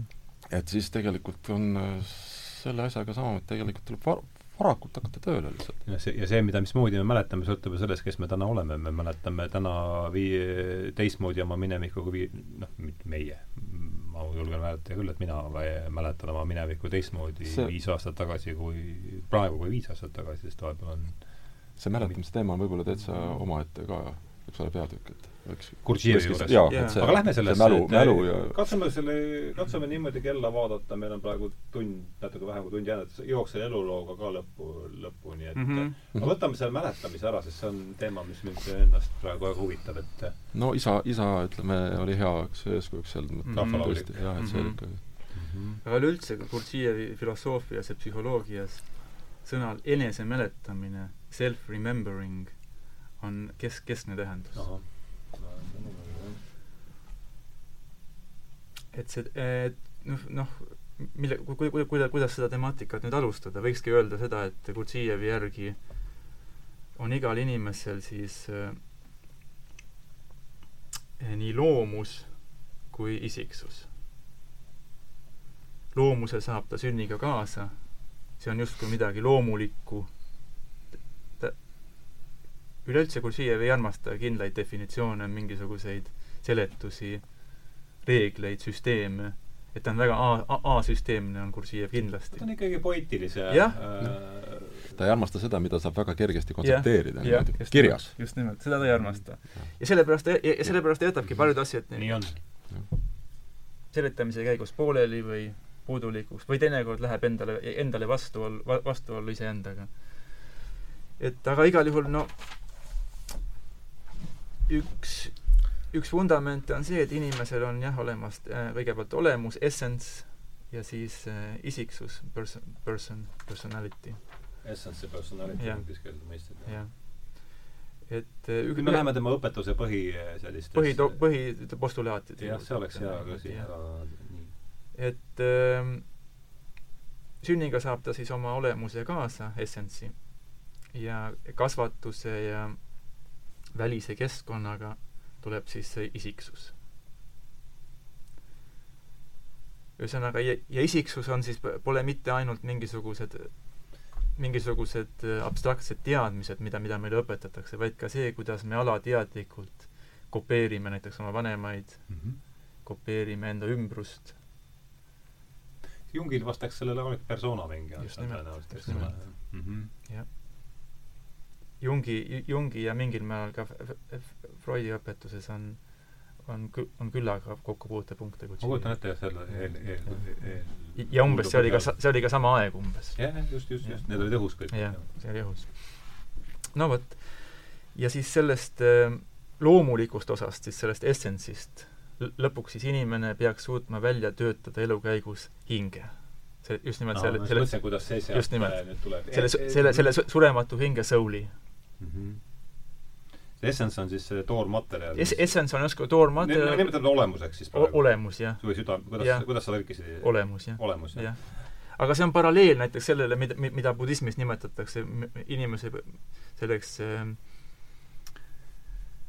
budasuseks, buda nature mm, -hmm. või näiteks äh, hinduismis aatmaniks mm. -hmm. see on just nimelt see surematu seeme või vaata, see, see, see, see metafüüsi-, see metafüüsiline osake. Platoni, Platoni hing. just nimelt, just nimelt. et see osake, mis on, mis, on seal sees, aga samas on just erinevalt paljudest teistest koolkondadest, see essents ise ei ole surematu. nii et mm, -hmm. et selle, et sellest ei piisa, et seal, seal ta erineb Platonist. just nimelt, väga selgelt erineb mm. -hmm. et kui inimene selle essentsiga tööd ei tee oma elu jooksul, si-, siis ta surres laguneb ja temast ei jää mitte midagi järele. Aga see on justkui mingi toormaterjal jah, mille kallal saab tööd teha ja siis soodsate kokku, kokku, kokku, soodsate asjaolude kokkulangemisel võib sellest siis tekkida midagi surematut mm. -hmm. nii, see on, see on nüüd üks tahk tema, tema psühholoogiast. teine tahk on selles, et et mis asi see inimese persona-, personality, isiksus on. see, see ei ole ka mitte midagi monoliitset.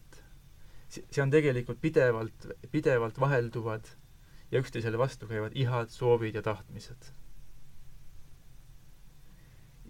see on lihtsalt üks, üks jada või rida maske, mingeid rolle, mida me ühiskonnas peame. see on justkui selline meie, ütleme, kohanemine keskkonnatingimustega. Peterson ütles selle kohta, et isik, isiksus on alamisiksus või anarhiline jõuk just nimelt, väga sarnane. see on väga sarnane. Gurdžijev, Gurdžijev räägib jälle, Gurdžijev räägib jälle pisiminadest, vot need ongi need pisi, pisiminad, vot mm -hmm. mis panevad kokku selle isiksuse. see on sinu tõlgitud, ma saan aru. jah, jah. Mhm. see on hästi. see on hea. jah.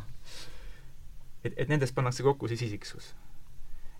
ja, ja kusjuures need soovid ja tahtmised inimesel vahelduvad väga sageli. noh, nii nagu me ka iseenda pealt teame ja me üks hetk võime tahta ühte asja, järgmine hetk tahame juba midagi muud. no kidding no ja mees ei ole mingit püsi, selles mõttes, et, et see, et see illusioon just, justkui on meil mingi surematu hing või, või, või see mingisugune üli, üliteadvus on nii inimeses, et, et, et see on illusioon, et et me, et me justkui tahame võtta mingit kindlat asja, ei ole, inimene on nii kord on siin, näeb seal midagi huvitavat, siis on seal teises kohas midagi huvitavat. No vot, ja siis, aga, et koos hoida neid, ma, ma veel lõpetan selle teema, et, et, et koos hoida neid pisiminasid, siin tuleb siis mängu järjekordne termin ja selleks on puhvrid.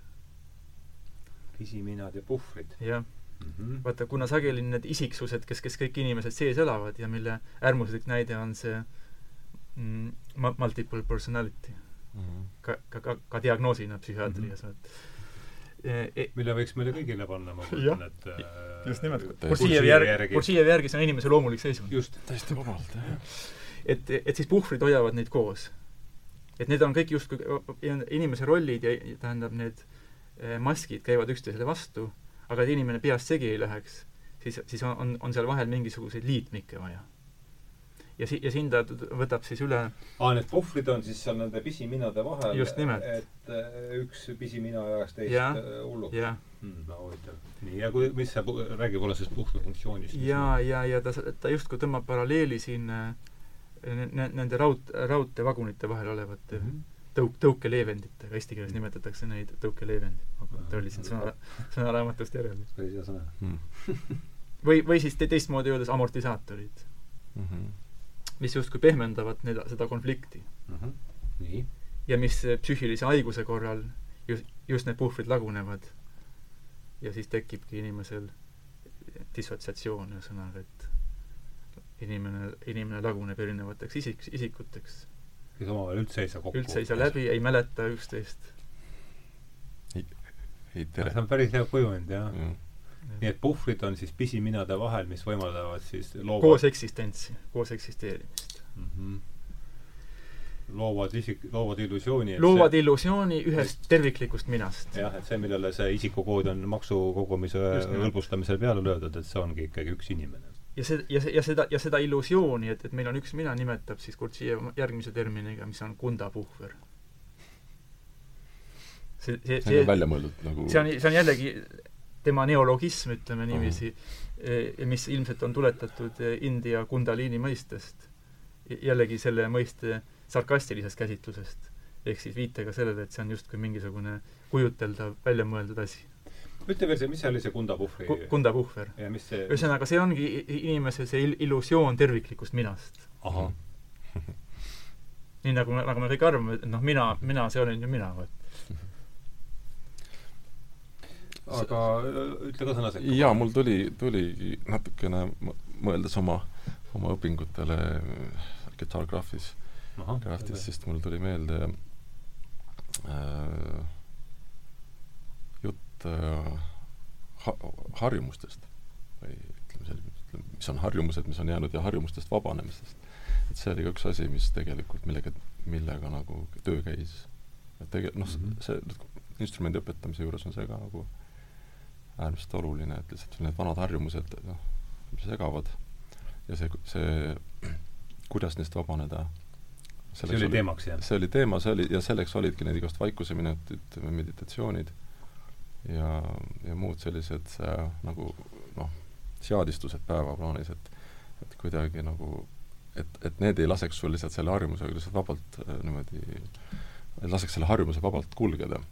et mingid takistused olid seal vahel. Ja aga sellest minu meelest ta väga vaimukalt räägib ka, kuidas, et noh, et mingist professorist, et kes püüdis oma hajameelsusest see on, jutt on nüüd raamatust mm -hmm., Kursivist, et mm -hmm. et oma hajameelsusest nagu lahti saada. ja see on meeletu hajameelne. ja ta suutiski lõpuks seda, sai, sai hajameelsusest lahti, aga juurde tuli, selle asemel tuli niisugune tigedus ja niisugune pahurus mm. -hmm. Ühesõnaga, ja minu meelest on see, see ka Kurtšievi nagu selline sellepärast, et inimene on automaat ja masin. et ja see masin toodab automaatselt, kui sa ühe funktsiooni justkui kõrvaldad, eh, siis tegelikult automaatselt kohe luuakse midagi juurde mm. -hmm. okei okay,, aga nüüd mul on jäänud kõr-, tahtsid ei no selles mõttes väga mis on tegelikult jällegi, mis näitab, kui, näitab seda, kui keeruline on, ütleme, mingisugusest harjumusest vabaneda, see ei ole lihtsalt see, et ma nüüd täna enam ei tee mm -hmm. seda. okei okay,, sa ei tee seda, aga sa hakkad tegema seda ja seda ja seda endal tea-, endale teadvustamata. sellepärast, et me ei mäleta iseennast. sa ei mäleta lihtsalt, jah. ei mäleta. ja keeruline maailm, ei ole midagi lihtsat. et noh aga ma tahaks selles, mitu korda on siin läbi käinud ja seda ma jõudsin ka lugeda, et, et see, et inimene on masin. sama juttu rääkis meile, sama juttu rääkis meile ka Descartes, eks mm, -hmm. aga et mul miskipärast on tunne, et ega nad omavahel, et ta ei ole Gurdjiev ei ole kartesiaanlik, saab seda ma see on huvitav jah, et on et kuidas see teeme see tundub olevat, et mm -hmm. siin võib tekkida väga niisugune siin oleks vaja selgust, ma tahaks ise siin saada selgust mm. -hmm. ma ei tunne teda nii, et äh, kas see on, ma, ma annan kindlasti sõna mm -hmm. edasi, et ja, kas seal on tegemist lihtsalt väga, ka väga niisuguse mudelmõtlemisega, mis aitab nagu, nagu see, noh, üldse aru saades nagu mudel mõtlemine ka mõnes mõttes, et noh, ütleme, sul tuleb pilt silme ette kohe masinast, eks ole mm. -hmm. kindlasti, ja see on ka toonane aeg, kui oli just see masinad olid tehnikarevolutsiooni ajas. just, just, just, noh, see on meid kõiki ju, meie ilmavaadet siin mõjutanud et noh, lihtsalt äh, repliigi mm -hmm. nagu palun mm. -hmm. ei, ja see, ja muidugi, et see et kus kohas erineb Gurdjiev Descartesist, kui no vaata, kui äh, Descartes, ütleme, oli ikkagi selline kuiv ratsionalist mm. -hmm. kuigi ta uskus Jumalat justkui, aga, aga Jumal oli selline, kes ei sekku maailmas, maailma asjadesse mm. -hmm. ja, ja Jumal on, on kuskil eraldi ja mm -hmm. inimene on eraldi si-, siis äh, Gurdžijevi maailmanägemuses on ikkagi vaim, tähendab, see vaimne, vaimne dimensioon on siinsamas meie, meie kõrval. ja, ja miks ta seda masinakujundit kasutab? siin võib, võib olla palju erinevaid põhjuseid. ka toonane aeg, vaata, mis oli üheksateistkümnenda sajandi lõpp, oli, oli just äh, pa, paistis silma, ütleme, ka äärmusliku materialismiga näiteks et äh, jah. ja muidugi see on ka väga šokeeriv inimestele.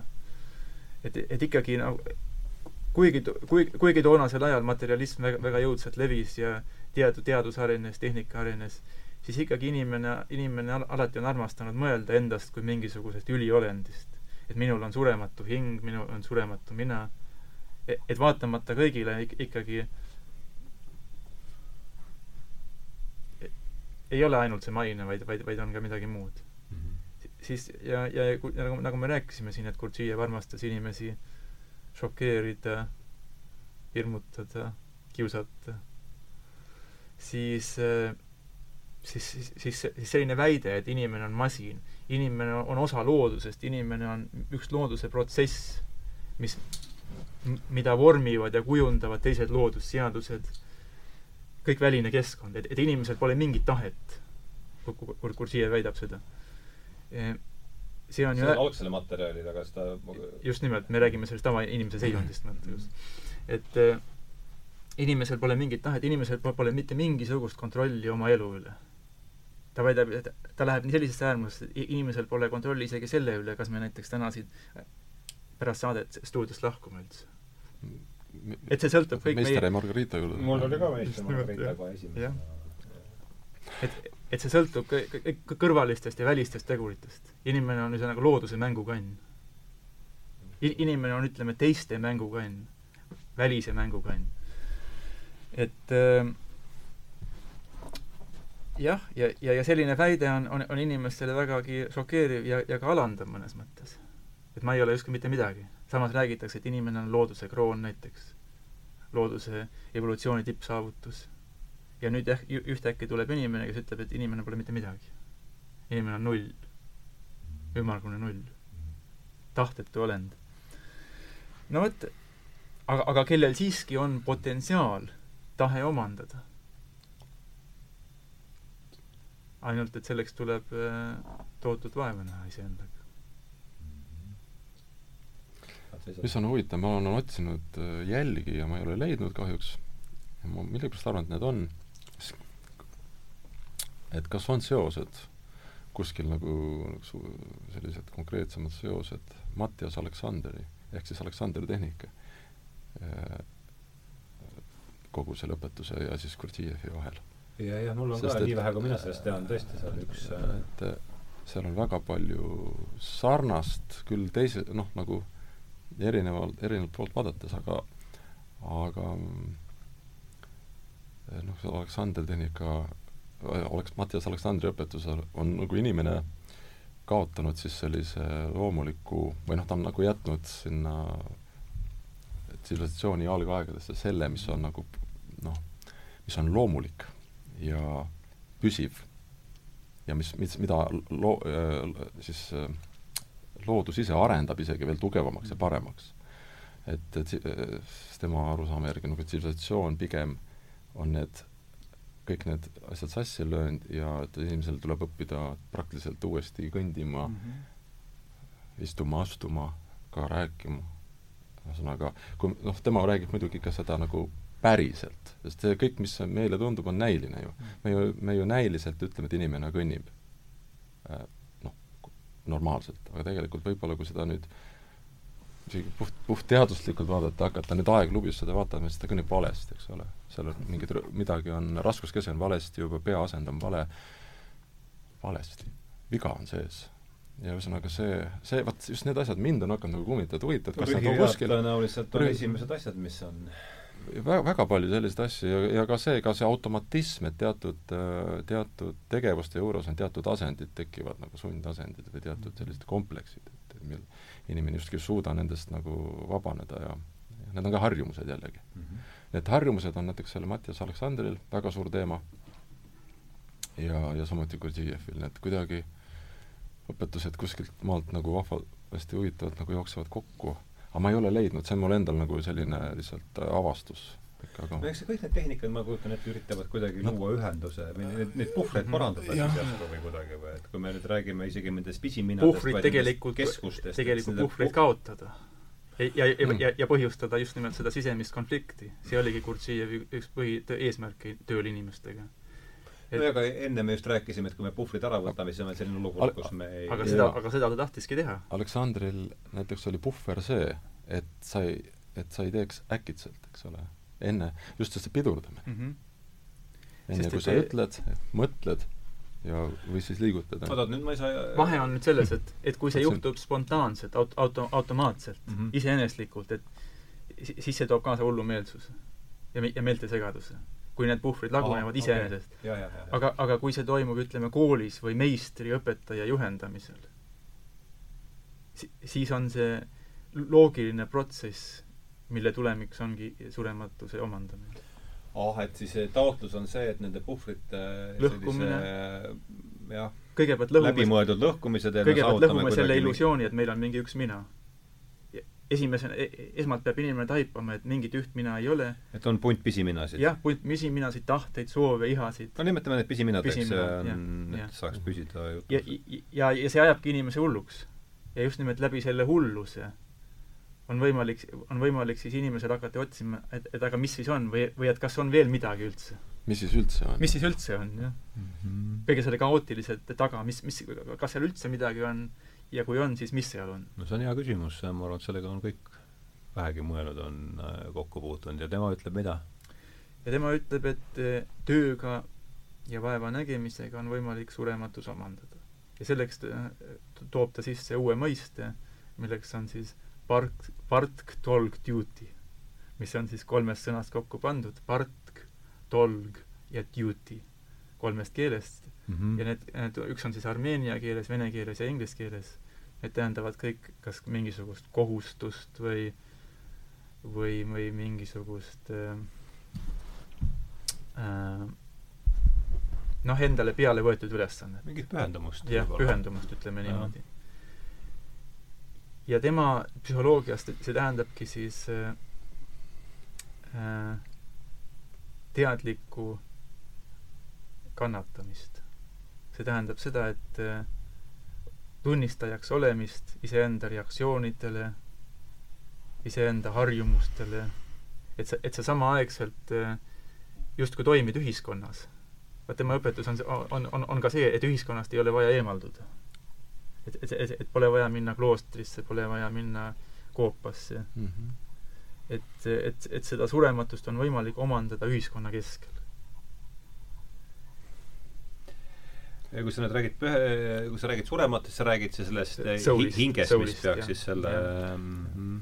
aga see kannatuse printsiip on tal ikkagi sees, eks ole, et see just nimelt, ja siis tulebki see kannatus ja see, ja see iseenese, ütleme, nägemine kõikides elu, elu, eluolukordades ja mhm. iseenese automatismide, iseenese hullumeelsuse, rumaluse, kadeduse, kiivuse, kõikvõimalike inimlike emotsioonide tunnistamine iseenda osaks, mida me eitame, et mina küll kade ei ole ju mina küll mm -hmm. ahne ei ole ju. okei okay,, aga see on nüüd huvitav, eks, et hästi, me oleme nüüd, äh, et me oleme lahti, lahti öelnud sellest kartesiaanlikust äh, egopuldist mm, -hmm. et mhm. mis hoiab seda asja koos, eks, ja nüüd on meil kamp äh, pisiminasid. ruum on täis praegu sind, et ei mahu ära. aga kes on nüüd ikkagi siis see, kes siis vaatab? Kuidas ta selle küsimuse lahendab, kui me kes ütleme, nendest, nendest, nendest pisiminates kapten on siis, see on ka muidugi vahelduv tõenäoliselt, eks see on nüüd põnev asi.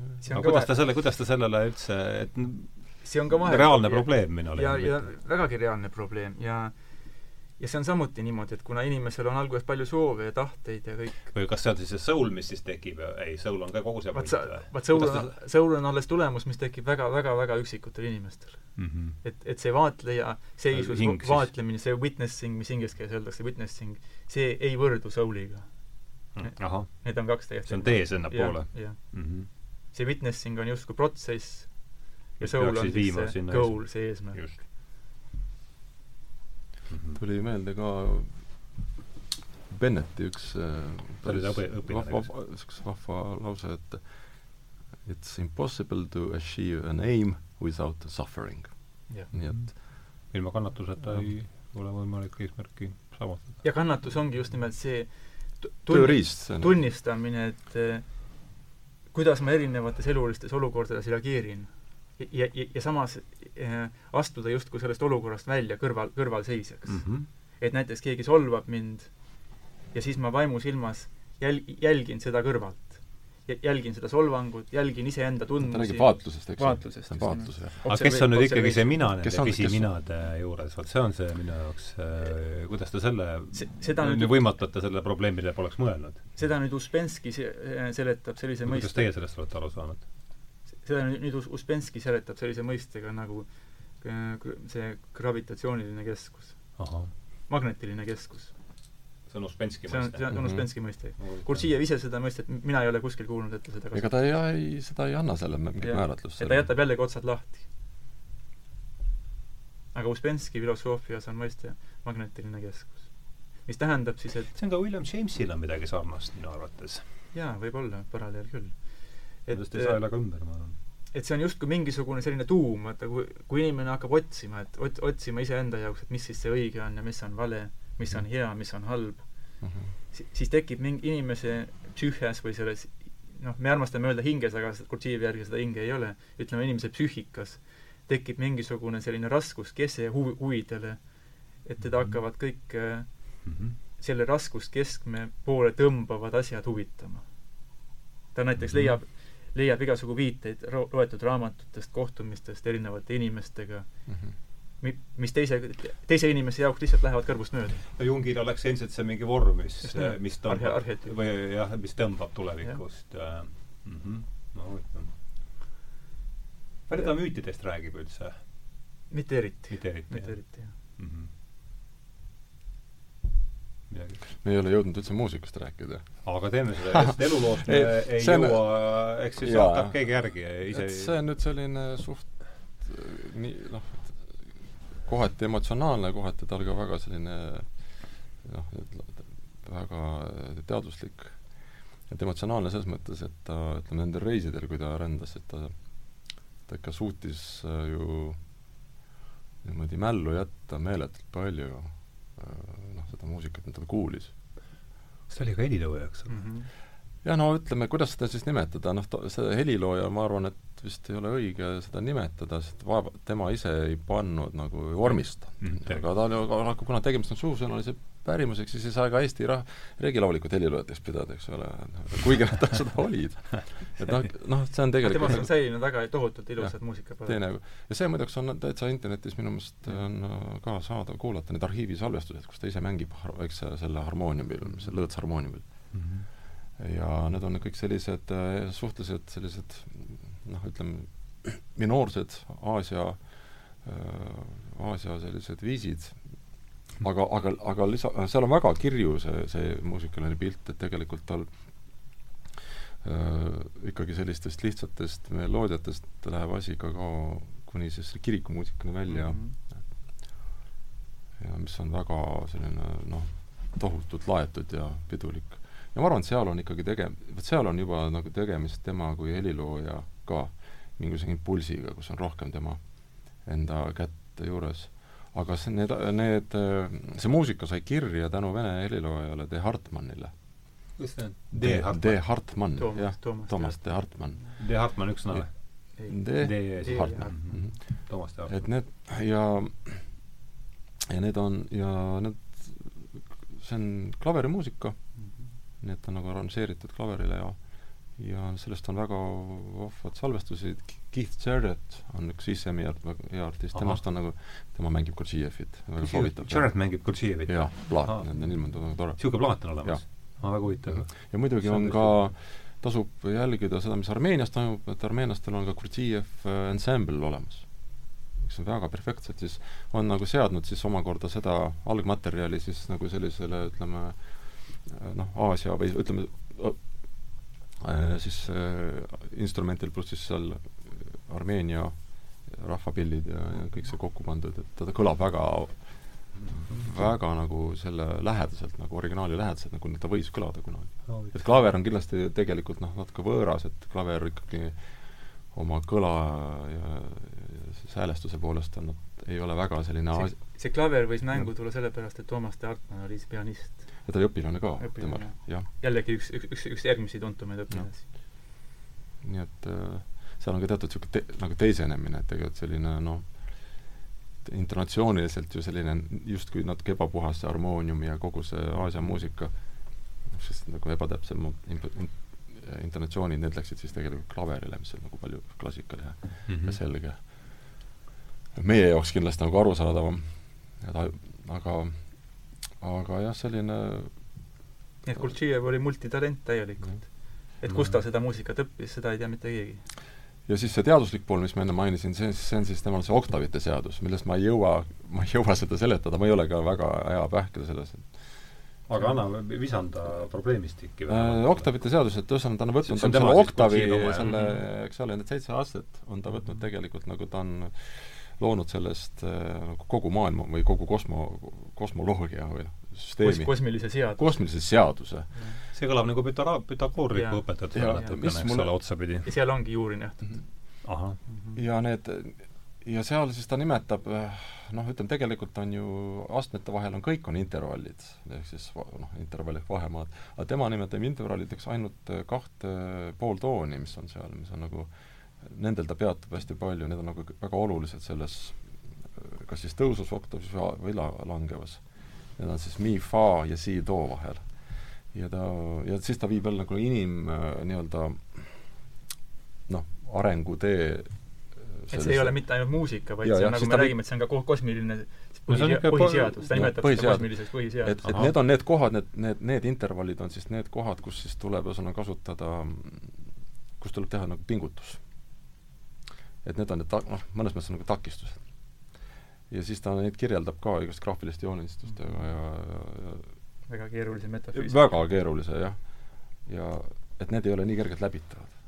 et kaks, et aga see kogu süsteem oli, nüüd ma, ma nüüd pärast, ühesõnaga algas siis absoluudist mm, -hmm. siis alla tuli, siis oli minu meelest oli tähtede maailm, maailm, päikesesüsteem, planeedid, linnutee ja nüüd me räägime tema kosmoloogiast. jaa, no seesama oktavite, tegelikult seesama oktavite seadus. mis on samuti väga keeruline. sol all on, ta oli siis päike, eks ole, sealt alla oli, fa oli äh, planeetide maa Planeetide. ja siis mi siis oli äh, ja lõpuks on kuu. ja kuu, jah kuuga lõpp mm.. hakkas absoluut, hakkas absoluudist pihta. ja siis all on ei mis nagu neoplatonistlik mingi niisugune käsitlus just, Plotinost on, on nähtud, jah. absoluudist ja alla mm -hmm. ei miskisse välja ja muideks ei miski on üks, äh, kohe tuli mul jälle meelde, mul on kodus üks plaat, mida ma Türgist kaasa tõin, kuna kunagi olin seal vahetusõppejõuna. ja see sufi, sufide muusika üks plaat, ja ta türgikeelne oli see pealkiri, niisugune must plaat. ja siis ma küsisin koha pealt, mida see tähendab. ei miski. et mul jäi meelde sellest. ja nüüd siis noh, see, ma käisin seal Türgis mingisugune, ma ei tea, viisteist aastat tagasi. Ja siis nüüd, nüüd jällegi nagu korjasin üles selle, et kuidagi tuli tagasi mm. -hmm. ja saan nagu seose luua. nii et see on jah, sellest on ta väga põhjalikult äh,, siin raamatus kirjutab ka väga põhjalikult sellest oktavite seadusest ja see on, see, see on, ta läheb nagu nende suhtarvudeni ja ma, see on nagu sügav niisugune matemaatika juures, nii et lisaks kõigele. et ta tegelikult käib nagu korra kosmoses, siis tuleb tagasi inimese juurde ja aga see oktavi seadus on siis tema see oktavite seadus. oktavite seadus on tema sellise kosmoloogilise ta, ta ütleb, see on kosmoloogi-, kosmose põhiseadus, üks kosmose põhiseadus. ahah. Neid põhiseadusi on kaks tegelikult. mis see teine on? teine on veel kolme, vaata okta-, oktavite seadust nimetab ta teise sõnaga ka seitsme seadus mm. -hmm. ja, ja teine põhiseadus on siis kolme seadus. ja, ja siis nüüd jõuamegi võib-olla sinna nelja, nelja, nelja tee juurde või, fourth way, neljas tee juurde, et mis mm -hmm kas, kas see on sellega nüüd konkreetselt, oli, oli see seotud või see on midagi muud? see on, see on, see on nüüd seotud sellega, et et tema ettekujutuse järgi jah, inim-, inimene elab unes ja, ja kõik, nagu me rääkisime, ta on mehaaniline ja masinlik. ja et sellest unest ja mehaanilisusest välja saada, siis seal on kolm traditsioonilist teed. see on see fakiiri tee kõigepealt on fakiiri tee, siis on mungatee ja, ja joogitee. Need on traditsio-, ajaloolised traditsioonilised teed. unest välja jah, sellest inimese mhm. mehaanilisusest või ütleme sellest, ütleme, surematuse saavutamiseks.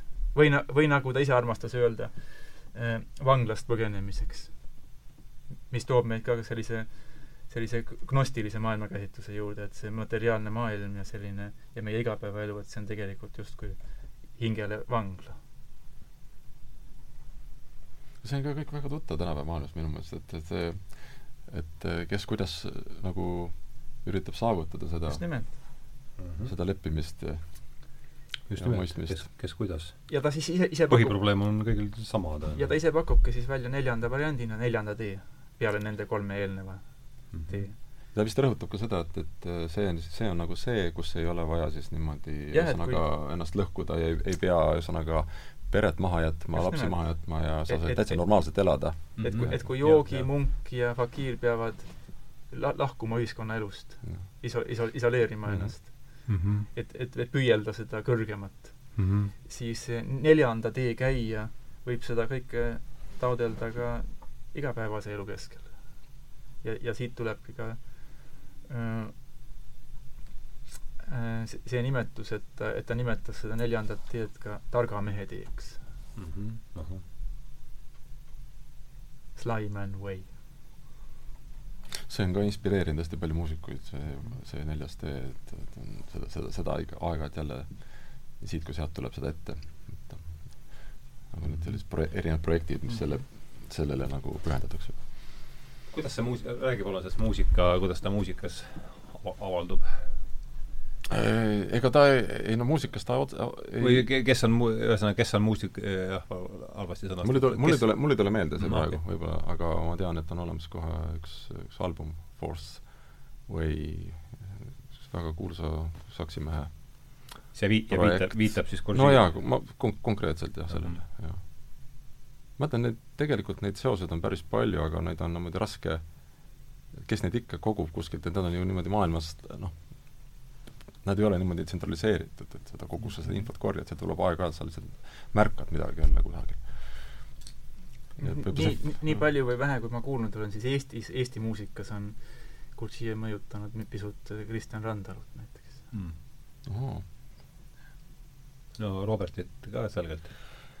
no ilmselt äh, ma mitte tead-, noh, mitte teadlikult, aga pigem võib-olla lihtsalt mingi seisundi, seisundipõhiselt äh, no, kui ta sulle tundmatu oleks, siis vaevalt sa saatessegi oleks tulnud ju. ma, ilmselt ma teeksin siis teistsugust muusikat küll jah, kui ma teda ei tunneks. või noh, üldse see, mis ta teinud.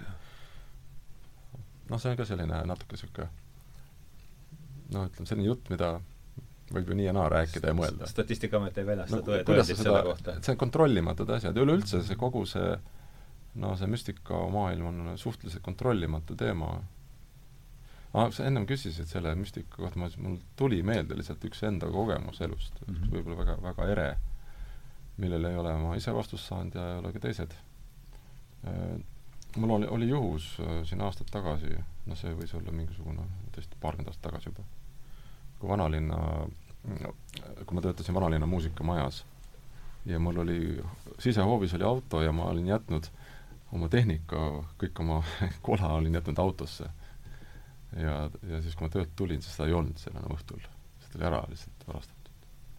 ja noh, ütleme, ma tulin töölt õhtul, siis lõpetasin tunnid, kell võis olla seal, ütleme seal mingisugune kaheksa ringis, niisugune ta-, sügisene aeg. vara, varatalv või niisugune lörtsine. ja mis ma siis tegin? alguses oli paanika jube kallid asjad ja ma olin nagu tõesti kogunud raha, et need endale osta ja, ja noh, kogu see varustus aastatega, kõik oli, korraga oli tühi, kõik oli läinud. ja siis ma, kuidas ma käitusin siis? kõigepealt ma olin paanika, siis ma hakkasin nagu nii-öelda mõtlemistasandil tööle. mõtlemistasandil ehk mõtlesin, mõtlesin, et mis ma pean tegema, ma pean minema nüüd politseisse. Läksin siis politseisse, eks ole, seal muidugi oli mingisugused tohutud virnad, mingisuguseid kaustasid ja asju ja mingid järje, inimesed jooksid seal eri probleemidega.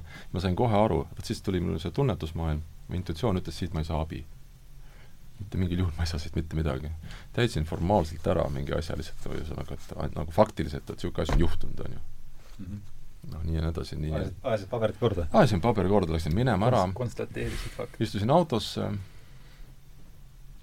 klaasipühked käisid niimoodi, noh, ta oli juba Tallinn, niisugune pime Tallinn ja hakkasin sõitma. ja sõidan ringi mööda linna, lihtsalt sõidan.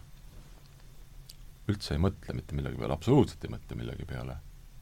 ja, ja sõidan järsku, sõidan järsku sinna Paksu Merk-, Margareeta taha, seal on mingisugune ehitussoojakuid ja mingid platsid, sõidan sinna. sõidan auto seisma, tulen välja ja lähen lihtsalt ühe soojaku taha ja võtan oma kola ja tõstan autosse ja tä-, ja kusjuures teen seda mitte nagu imestunult, et noh, et oi, vaid äh, täiesti nagu, nagu noh, nagu oleks nad ise sinna viinud. või noh, teadlikult, täiesti teadlikult lähed, võtad asjad, sõidad ära, korras. ja siis muidugi tuli nädala pärast, tuli teade sealt politseist, et me ei ole, ei ole leidnud veel midagi, otsime ei käinud neid informeerimas oli vist midagi, et oleme, ole, aa, et teie see nii-öelda kaebus on nagu jõudnud nagu kah nii-öelda kuskile kartoteeki vist. vot, mida oligi tarvis tõestada. jah. aga vot, vot sellised asjad ja noh, mida sa siin ikka, on ju, räägid, räägid seda, mõtled seda asja, et mis asi see on, on ju.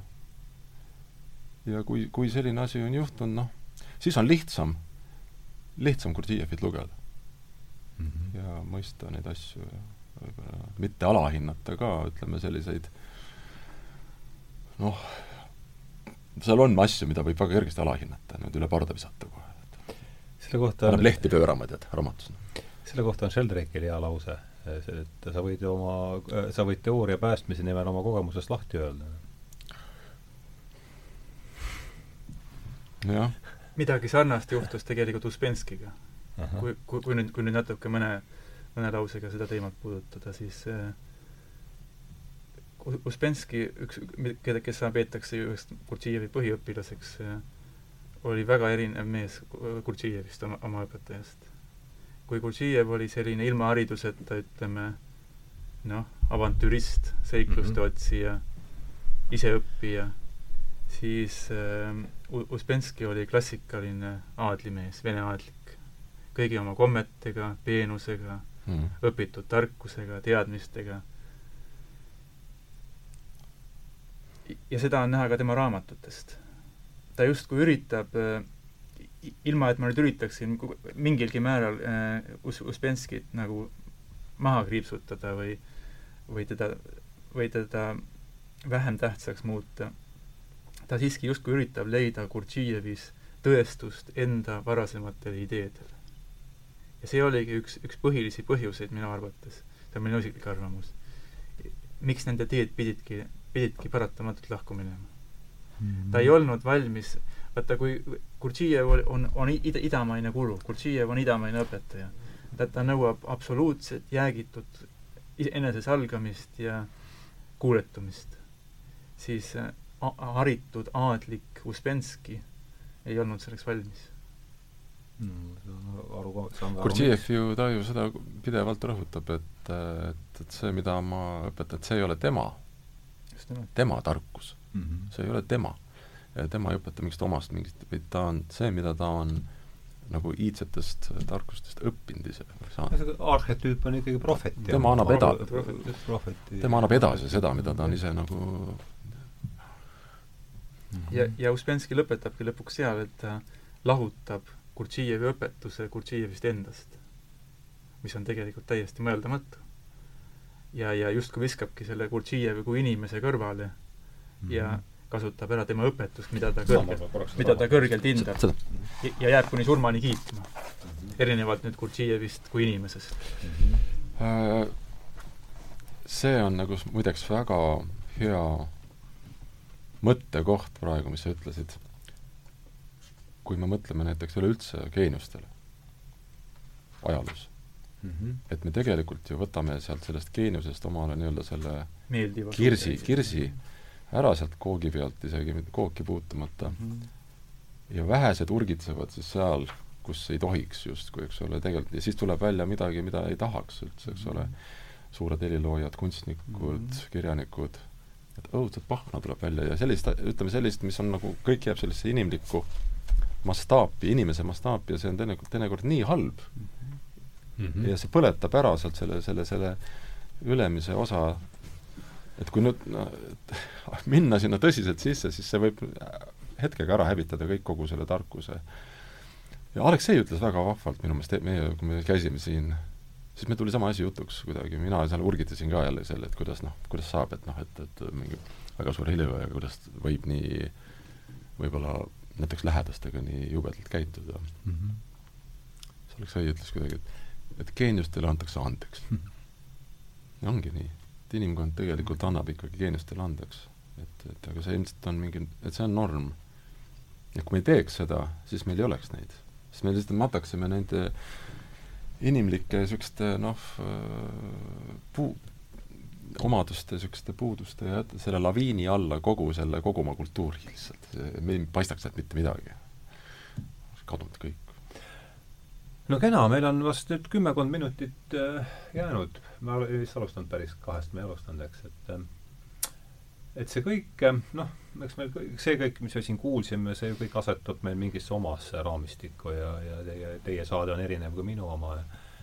aga no minul haakus see, et nii, nii palju või vähe, kui ma täna siin Kursijevist kuulsin ja tast aru sain, haakus see mul väga lähedalt sellega, millega ma ise olen siis sel kevadel teise nurga pealt tegelenud.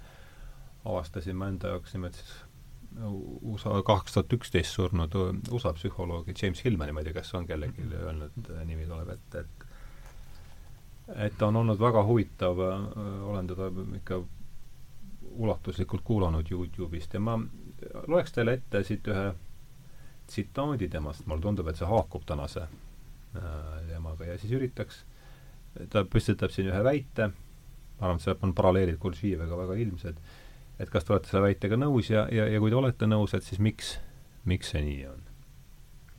taust on siis see, et see Hilman esines kahe tuhande kümnendal aastal äh, Carl Gustav Jungile pühendatud äh, seminaril, mis oli siis, ma ei tea, kas toimu-, igatahes toimus ta USA Kongressi raamatukogus, mitte kuskil Milwaukee keskkooli võimlas äh,. et äh, ja, ja ta siis räägib äh, mm, räägib siin punasest, see, see üritus oli pühendatud siis Jungi punasele raamatule ja tsitaat ise on järgmine. tänapäeval loevad seda vaid täielikud friigid. see on nii, sest me elame niivõrd põh-, niivõrd piiratud tehnilises, ratsionaalses, monotüüpse põhjuslikkuse printsiibil püsivas mõttemaailmas.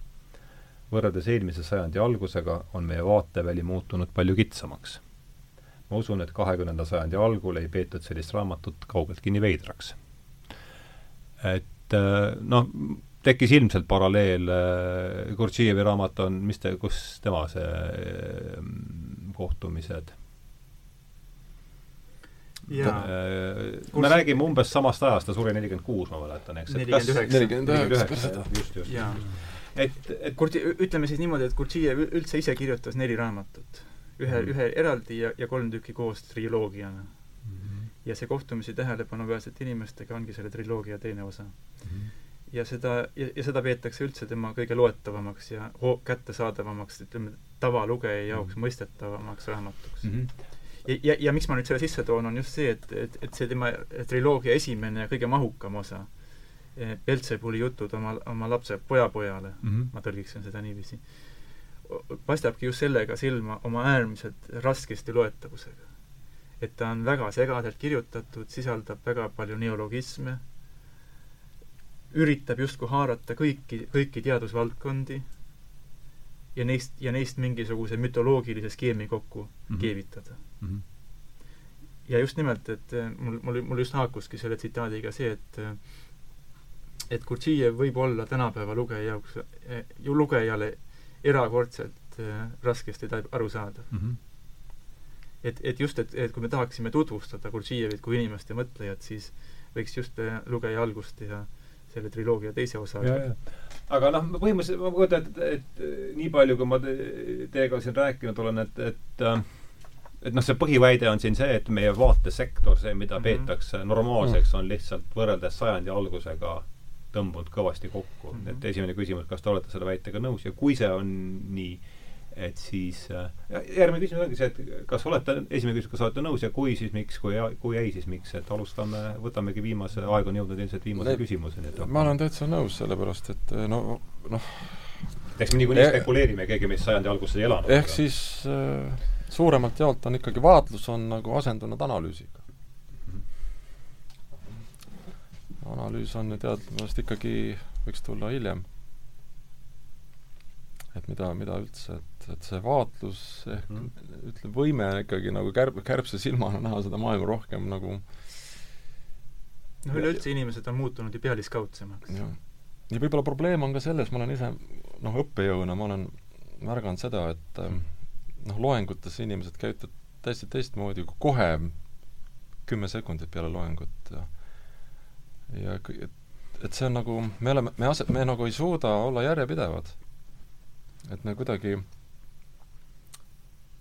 eh, me lükkame kogu aeg edasi mingisugust nagu enda elu, nagu seda enda nagu tööd, mida me peaks hakkama ise tegema kohe praegu, ja lükkame ta kuhugi edasi, nii-öelda järgmisse loengusse, et võib-olla sealt saab ka natuke tarkust ja sealt saab ka natuke, loeme selle raamatu läbi, selle, et eh, Gurdjieffi nagu mõte on selles, seda peaks kohe nagu tegema hakkama, et ei ole aega nii palju töö algab siin ja praegu. siin ja praegu, et ja see vaatlus on üks asi võib-olla, mis võimaldab seda, et lihtsalt olla võimalikult noh, võimalikult sellises vaatleja, noh, heas vaatle-, hea vaatleja rollis, et sa nä-, näeksid erinevaid asju erineval ajal. See on väga raske töö, sellepärast et paraku on ikkagi nii, et silm läheb nagu kinni, et sa näed, kipud ikka midagi vaatama, mis sul meelepärane on mõtlema ja tegelema sellega, mis sul meelepärane on. ehk siis me unustame iseennast. ja unustame ära, see ongi see hetk, kui sa oled ära unustanud, tegelikult midagi olulist läheb siis mööda sinu jaoks tegelikult. ja sa pead jälle alustama otsast peale. et äh, elukestev õpe. elukestev õpe ja noh, ja tegelikult raamatud ei olegi nagu Zievi puhul, ma leian, et nagu on noh, mitte, mitte kõige parem üldse äh, meetod vaid et see, see oleks pigem ikka niisugune seltskondlik ühingu või ütleme, selliste just nagu tõeotsijate seltskond, elavad, elavad õpetajad. elavad õpetajad, elavad inimesed. elav Jumal, elav, elav inimene. ja mis sinna vahele jääb kõik mm. -hmm. et,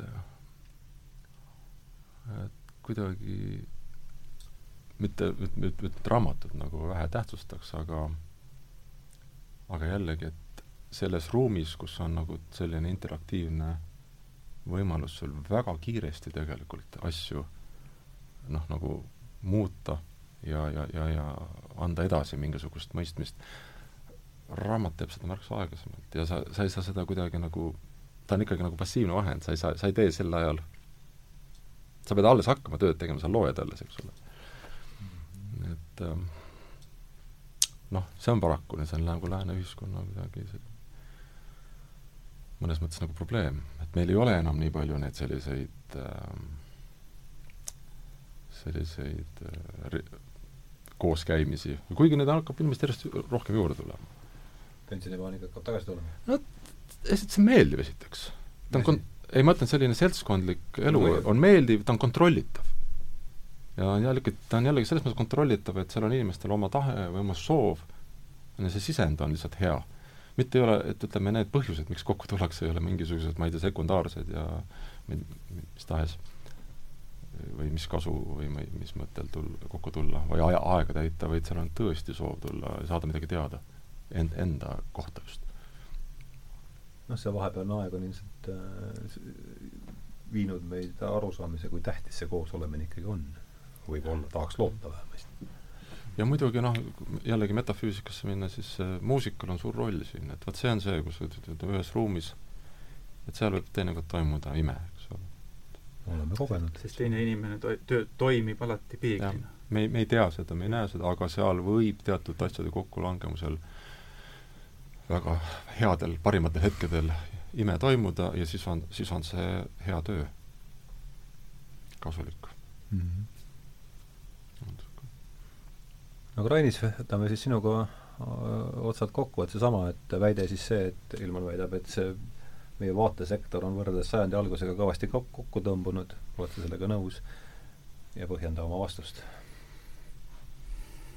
noh, nii, niivõrd-kuivõrd me, me muidugi teame selle sajandi tagusest no just nimelt, ega me spekuleerime, et me ei tea seda, et aga noh, tundub küll niiviisi, et inimene on muutunud selliseks äh, ta on, inimene, vot, tänapäeva ühiskonnal on iseloomulik spetsialiseerumine mm. -hmm, just. kitsenemine. kõik inimesed püüavad, püüavad leida endale mingi niši mm. -hmm. ja järjest haruldasemaks muutub see, et, et üks inimene tahab ja arvab ennast võimeline olevat kõike haarama. Gurdjiev oli selles mõttes inimene, kes, kes tegeles kõigega. et äh, aga tänapäeva inimene tahab olla oma nišis ja oma selles kitsas valdkonnas. muidugi on see kitsenemine ja see, ja, ja, ja paralleelselt toob see kaasa selle, et ta usaldab teisi inimesi. võtab, võtab teiste inimeste seisukohti tõena. Endal on, endal on tal on teadmine ainult väga väikesest fragmendist. ja teine asi muidugi on see, et mida ma olen ka isiklikust kogemusest tähele pannud, siis mida aasta, aasta edasi, seda hüplikumaks muutub inimeste mõtlemine. näiteks kui sa inimesega vestled silmast silma, siis ühte lugu, aina sagedamini olen ma tunnistajaks sellele, kuidas ühelt teemalt järsku auto-, automatistlikult hüpatakse üle teisele, kolmandale, ilma et üldse süvenetaks või sisse mindaks teemasse. Mm. -hmm. väga tavaline, kas see on siis, millest see tuleneb, ma ei oska seda öelda, kas see on sellest, et äh, ongi tä-, tähendab, tähendab ka Gurdžijevi järgi inimese mõtlemine ongi assotsiatiivne, ühesõnaga läheb kaasa muljetega kogu aeg räägib ühte juttu, vaatab aknast välja, näeb seal midagi toimub, hakkab rääkima teist juttu, mehaaniliselt mm. -hmm. nii et selles mõttes see, tendents on süvenenud minu arvates. ja, ja mis ka, mis ka klapib selle seisukohaga, et äh, mida tsiviliseeritum ja kultuursem, tehnilisem, materiaalsem on inimene, seda tugevam on tema see personality, isiksus ja seda alaarenenum on essence, loomus seda vähem jah ta teab selle olemasolust. ja, ja, ja, ja Kurt Gurdžijevi järgi on, ongi võimalik ka näiteks see, et, et inimene küll veel füüsiliselt elab, aga tema essents on juba surnud. päris, päris kole. jah. ta on nagu ela, elav laip mm,. just nimelt. sest see on viimane Tolstoi juurde tagasi. jah, jõuame nüüd aastast no kena, meil on nüüd kaks tundi siin istutud, et äh, oleme arvanud, et siin on kusagil see, võiks see, see, see piir olla, et äh, aitüma tulemast, me saime uue hooaja äh, käima, et ja siis äh, eetris oli saja kahekümne viies saade, stuudios olid Robert Jürjendal ja, ja Rainis Toomemaa ja juttu oli siis äh, Armeenia müstikust ja avantüristi sõna käis ka siit läbi mm, -hmm. see aspekt ja ka heliloojast võiks ja ka heliloojast. ja laia ampluaaga laiahaardelisest mõtlejast. multitalendist. multitalendist jah, et saja kahekümne kuuendas saates, mille me salvestame järgmisel esmaspäeval, on meil juttu Ameerika müstikust ja avantüristist Dennis Rodmanist, kes on NBA, NBA ajaloolade, ajaloo kõige edukam lauapallide hankija mm.. ja tuleb välja ka selle, mis ta nüüd on, mul on nüüd see Korea doktor Jung seal praegu. No üksteise praegu või võimul olev Jung, mul ei ole ta nimi meeles, selle on, selle pärast korvpalluri karjääri mahapanemist on saanud selle isiklikuks, ma ei tea, kui isiklikuks, aga sõbraks. nii et seal on niisugune avantüristlik äh, mõtlemine on esindatud ja pakku- ja, ja saates on lubanud siis tulla Rauno Pehka ja ja Tõnis Kahu, nii et see võib mm. äh, vaatame siis, läheneme müstikale äh, läbi korvpalli järgmises saates, et täna tegime seda siis läbi Kurtšijevi ja Kurtšijevi ja muusika ja mis meil siin kõik jutuks tuli. et äh, vaatlus on asenenud analüüsiga, jah, see on viimane kirja saanud äh, mõte, mis jäi, jäi, jäi kõlama ja tänan teid veel kord äh, saatesse tulemast, Rainis Toomemaa, Robert Jürjendal ja tänan äh, Mari äh, debüüdi eest äh, puldis. ja oleme siis tänaseks jutuajamise lõpetanud. aitäh! aitäh kuulamast ja aitäh kõigile neile, kes on meie saate teinud võimalikuks. head teisipäeva õhtut!